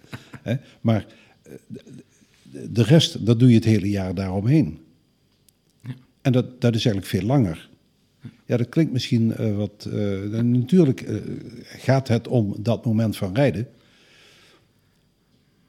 Maar het is meer. Eh, toch, toch een, eh, ja, het is toch wel een teamsport, vind ik. Ja, ja, Ja, dat is een beetje ook wat, wat ik zo uit het verhaal eh, van je, van je op, oppik, zeg maar. Hè. Dan, dan um, heb ik ook gezien dat je tweemaal koninklijk onderscheiden bent. De eerste keer was in 2010 voor de vele lokale verdiensten binnen de Tegelse gemeenschap.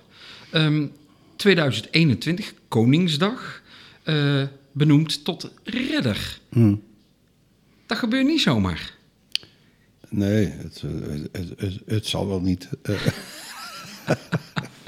nou, natuurlijk ben, ben, ik daar best trots op. En uh, dat, dat heeft ook te maken met... Ik, ik, ben hier voorzitter van een museum en van nog een buurthuis... wat we weer... Mm -hmm. wat tien jaar vervallen was en wat we weer hebben gerestaureerd. En ja... Mm -hmm. Maar... Ja, er hangen nog meer dingen van... ja dat... Um, ja, het is natuurlijk leuk als je daar erkenning voor krijgt. Dat, dat, uh, maar dat is ook, ook zakelijk hoor. Ik heb ook in het Europese best veel gedaan voor de MKB-bedrijven. Ja. En uh, ben daar echt intensief mee bezig geweest om, ja, om die ook, uh, ook daar op de kaart te krijgen. Dat, dat ze niet alleen maar ja, wetgeving maken in Brussel waar de grote jongens aan kunnen voldoen. Maar dat ook de MKB-bedrijven daarin dat kunnen bijbenen. Ja. Ja. en dat is lang niet altijd het geval. Nou, dat, dat soort dingen, dat, uh, ja. dat, dat, speelt er wel een rol. Ja, Er zit ook een link, ik, met... ben al tig jaar uh, uh, bestuurslid van de Nederlandse Vereniging van Zeepfabrikanten. En dan zitten alle grote big boys zitten daarbij. zoals Unilever, Procter Gamble en noem ze allemaal maar op. Maar daar zit ik dan als MKB-vertegenwoordigertje bij. nou.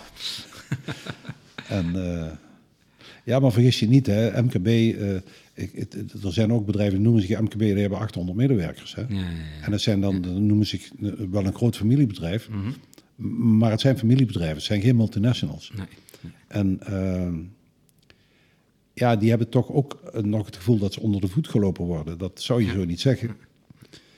Uh, maar dan zit je te praten met iemand die zich ook MKB noemt, maar die heeft een, uh, een product development afdeling met research en alles bij. Uh, stuurt hij 120 man aan. Mm. En ik zet een man, ik stuur er uh, vijf of zes aan. Mm. Dat is heel wat anders. Ja. Maar ja. ja. we doen in principe wel hetzelfde. Ja, ja, ja. Want die um, koninklijke onderscheiding zit ook een, ja, een, een, onderdeel in principe in. Van dat je sinds 1968 onafgebroken ingezet hebt voor de Koninklijke Nederlandse Autosportfederatie, de KNAF. Um, uh, zowel als rallyrijder, sponsor en ook door het bekleden van uh, diverse bestuurlijke functies. Mm. Um, de, doe je nu nog iets bij de KNAF? Nee, eigenlijk niet. Nee, ik ben wel jarenlang, heel veel jaar lid van de BSR geweest. Ik ben Mhm. mm -hmm. een tijd voorzitter geweest. En ja, ik moet nu langzaam zeggen dat ik er geen baantjes meer bij neem. Want het, is, het is goed. Dus je wordt nog wel gevraagd voor van alles en nog wat. En, en zelfs als, op het moment dat Bart wegging, denk ik, nee, dit moeten echt jonge jongens gaan doen. Weet je wel, dat... Ja, ja, ja. Ja, ja, ja. Hey, dan, dan dit jaar, 2023, Monte Carlo, zeg maar, gereden. Sinds Ja. 1979, inmiddels volgens mij 12 maal heb, Ja, ik, heb ik staan. Zo Ja. even gauw, gauw geteld. Um, dan hadden er eigenlijk 13 moeten zijn, hè? Ja. ja, dat was het vorig jaar. Ja, ik weet waar je op doelt. Ja, toen, toen, toen vielen we ineens buiten de boot, want uh, ze hadden te veel inschrijvingen en uh, ja, uh, ze moesten kiezen en nou, we waren buiten, uit de boot gevallen.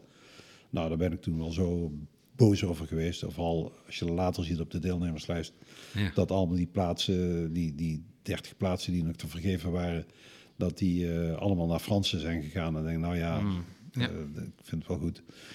En uh, toen heb ik eens gekeken wie er allemaal wel op stond. En ik zag dat er heel veel mensen waar ik normaal mee zit te competen in, in, in, in de wedstrijd, dat die priority rijder geworden waren. Ik denk, hoe hebben ze dat nou gedaan? Maar ja, wat blijkt, die hebben zich gewoon ingeschreven voor het wereldkampioenschap.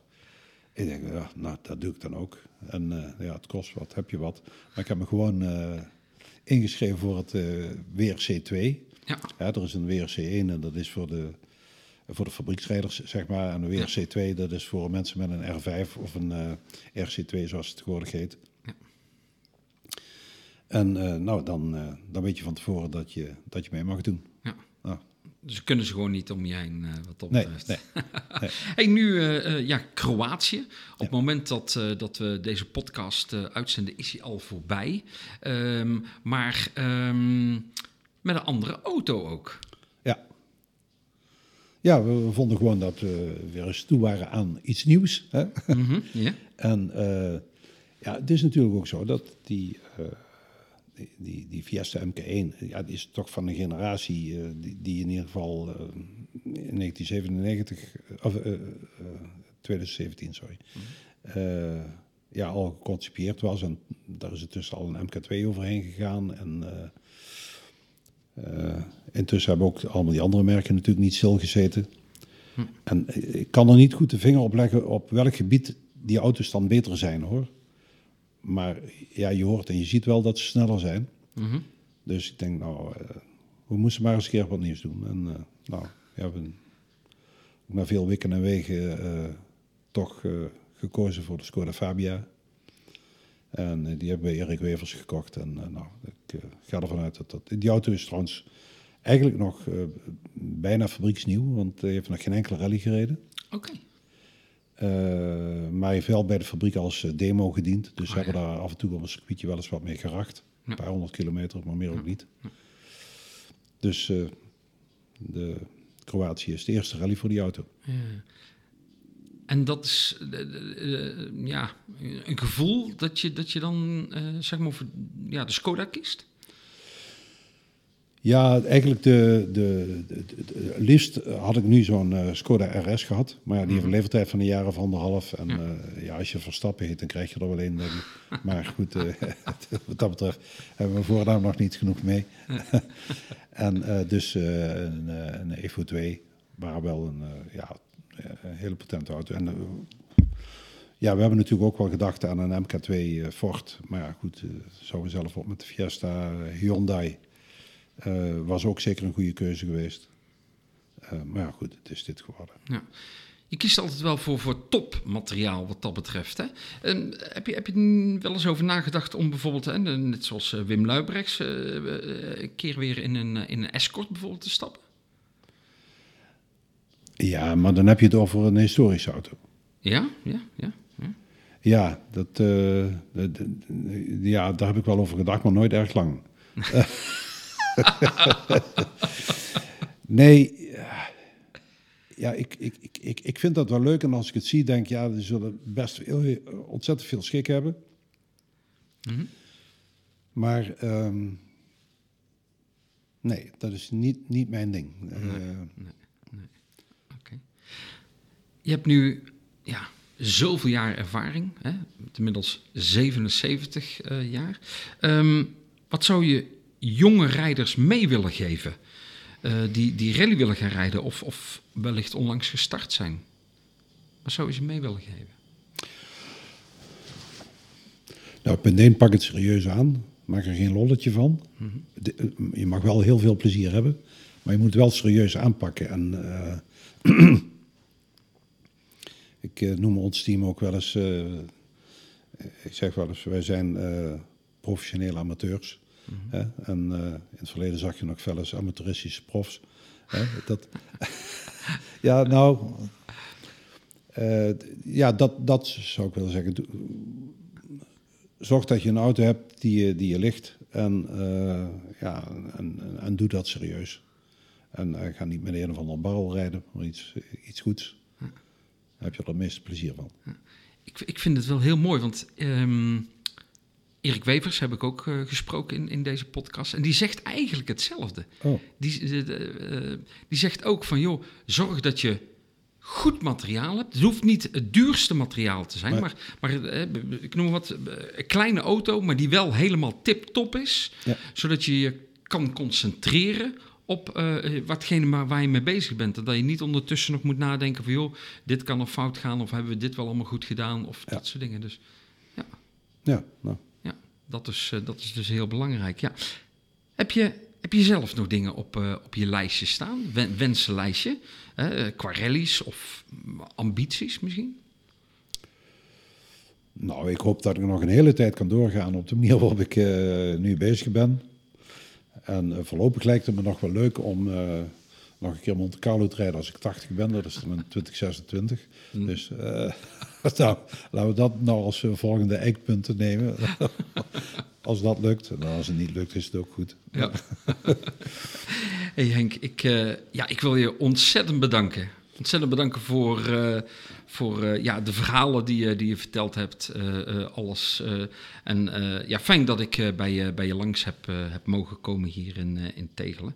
Ehm, en dat betekent dat Ja, we... ik vond het ook ontzettend leuk. Dat is mooi om te horen. Ik, eh, ik wil natuurlijk ook onze luisteraars eh, bedanken voor het eh, luisteren alweer naar eh, deze zesde editie, het zesde verhaal in de NL Rally Sport podcast. Zoals ik al vertelde, Bob de Jong, Erik Wevers, Kevin Abbering, Martijn Wiedagen en Mats van der Brand, die eh, gingen hierin eh voor. En al die verhalen die zijn nog een keer terug te beluisteren. Nogmaals Henk, eh, heel hartelijk eh, bedankt eh, voor je tijd, openheid en natuurlijk ook voor de gastvrijheid en, en de koffie. Ehm, en mocht je nog op- of aanmerkingen hebben, wil je de podcast wellicht ondersteunen, laat het weten via de social media kanalen of rechtstreeks aan mij in een privébericht. En dat kan dan eventueel via marco.schillemanspresent.nl. En vergeet niet om ons uiteraard te beoordelen. Dat kan helemaal bovenaan op Spotify met vijf sterren. Nogmaals dank en tot een Ik vond het ook keer. ontzettend leuk. om Ik, wou, ik had echt maar één ding en ik wou gewoon met Rinus Richard verslaan en de rest interesseerde me echt gewoon helemaal niks. Maar Richard die haatte mij. Maar ik, ja, daarna had Richard mij dus verteld dat hij alleen maar mij van de baan af rijden. NL Rally Sport Podcast. En die tankers, ja, ik eh, er nooit in het donker gereden. Nee joh. Echt nooit. Nee, Nul- nee, 0,0 dat- dat kan ervaring, helemaal niks. Nee. Ik had er nooit, nog nooit echt een rally gereden. Ja, ja wij, wij wisten helemaal niks. En wij startten dus als laatste. Ja, ja. Dus, en wij wonnen toen ook die, die rally. Ja, wil je een eerlijk antwoord? Of, eh? Ja, ja, ja, ja. Ja, ja. Dus Nederland zegt van, eh, waar zit jou dwars? Dus toen heb ik dat gewoon helemaal verteld. Hij zegt van, eh, ja, ja, dat komt wel goed en dat lossen we wel op. En dan moet je eigenlijk allemaal geen zorgen over maken. En morgen gewoon, dat was op zondag dan, Ja. gewoon gas erop en gewoon rijden zoals je normaal doet. Ja, en op zich was voor mij zo'n opluchting op de een of andere manier. Terwijl dat eigenlijk helemaal niks veranderde natuurlijk. En toen ging de zondag eigenlijk, toen heb ik, die zondag heb ik wel toen echt genoten. Marco Schillemans. Nou, ik zou Duitsland eerst niet eens rijden. Nee? Nee, Oké. ja, want daar, ik vind het ook heel moeilijk hoe ik hier, eh, hoe ik, eh, heel veel mensen kennen het verhaal niet, omdat het gewoon is zoals het is. Eh, maar ja, ik kan het eigenlijk wel gewoon eerlijk zeggen zoals het is, want het is nu toch al acht jaar geleden inmiddels. Ik had natuurlijk, en ik heb ze eigenlijk nooit verteld, dus eigenlijk kan ik misschien luisteren ze dit wel. Ik heb, Het vijfde verhaal. Het verhaal van Mats van der Brand. En dan reed ik, gewoon- daar- met die auto kon ik echt gewoon op 100%. Echt. Maar voor mij, wat voor mij, en ik heb er, ik, ja, ik praat er nooit over, maar voor mij Volg NL Rally Sport op Facebook, Twitter en Instagram. Alles over autorally met Marco Schillemans. Maar ja, ik had het toen gewoon gezegd. Ik denk, ja, ik bluff gewoon. Ik zie wel, wat- ja, Ja. ik neem wel een Mhm. risico en ik zie het wel. Het verhaal van Mats van der Brand. Te beluisteren vanaf donderdag 6 april op NL Rally Sport. De Rally Podcast. Dit is NL Rally Sport Podcast. De Rally Sport. Die kreeg hij met de paplepel ingegoten. Eh, eh, toen ik opgroeide, ik, eh, mijn, ik had een skelter en die moest natuurlijk in de vrachtwagen mee als, eh, als pa ergens reed. Als navigator las hij de noodzaal in 2005 bij zijn vader. Het, het begrijpen van de sport en ook van het, de, de essentie en hoe, hoe belangrijk de, de pace notes zijn. En, dus, en, en vooral eh, met name de samenwerking tussen twee individuen. In 2007 zijn allereerste wedstrijd met Harmen Scholtalberts. Weet je, en, en dit zelfs kan, kan, kan nog harder. Nou ja, ik weet dat hij daar gelijk in had. Kevin Abbering. Dat vind ik stiekem wel, wel hartstikke mooi.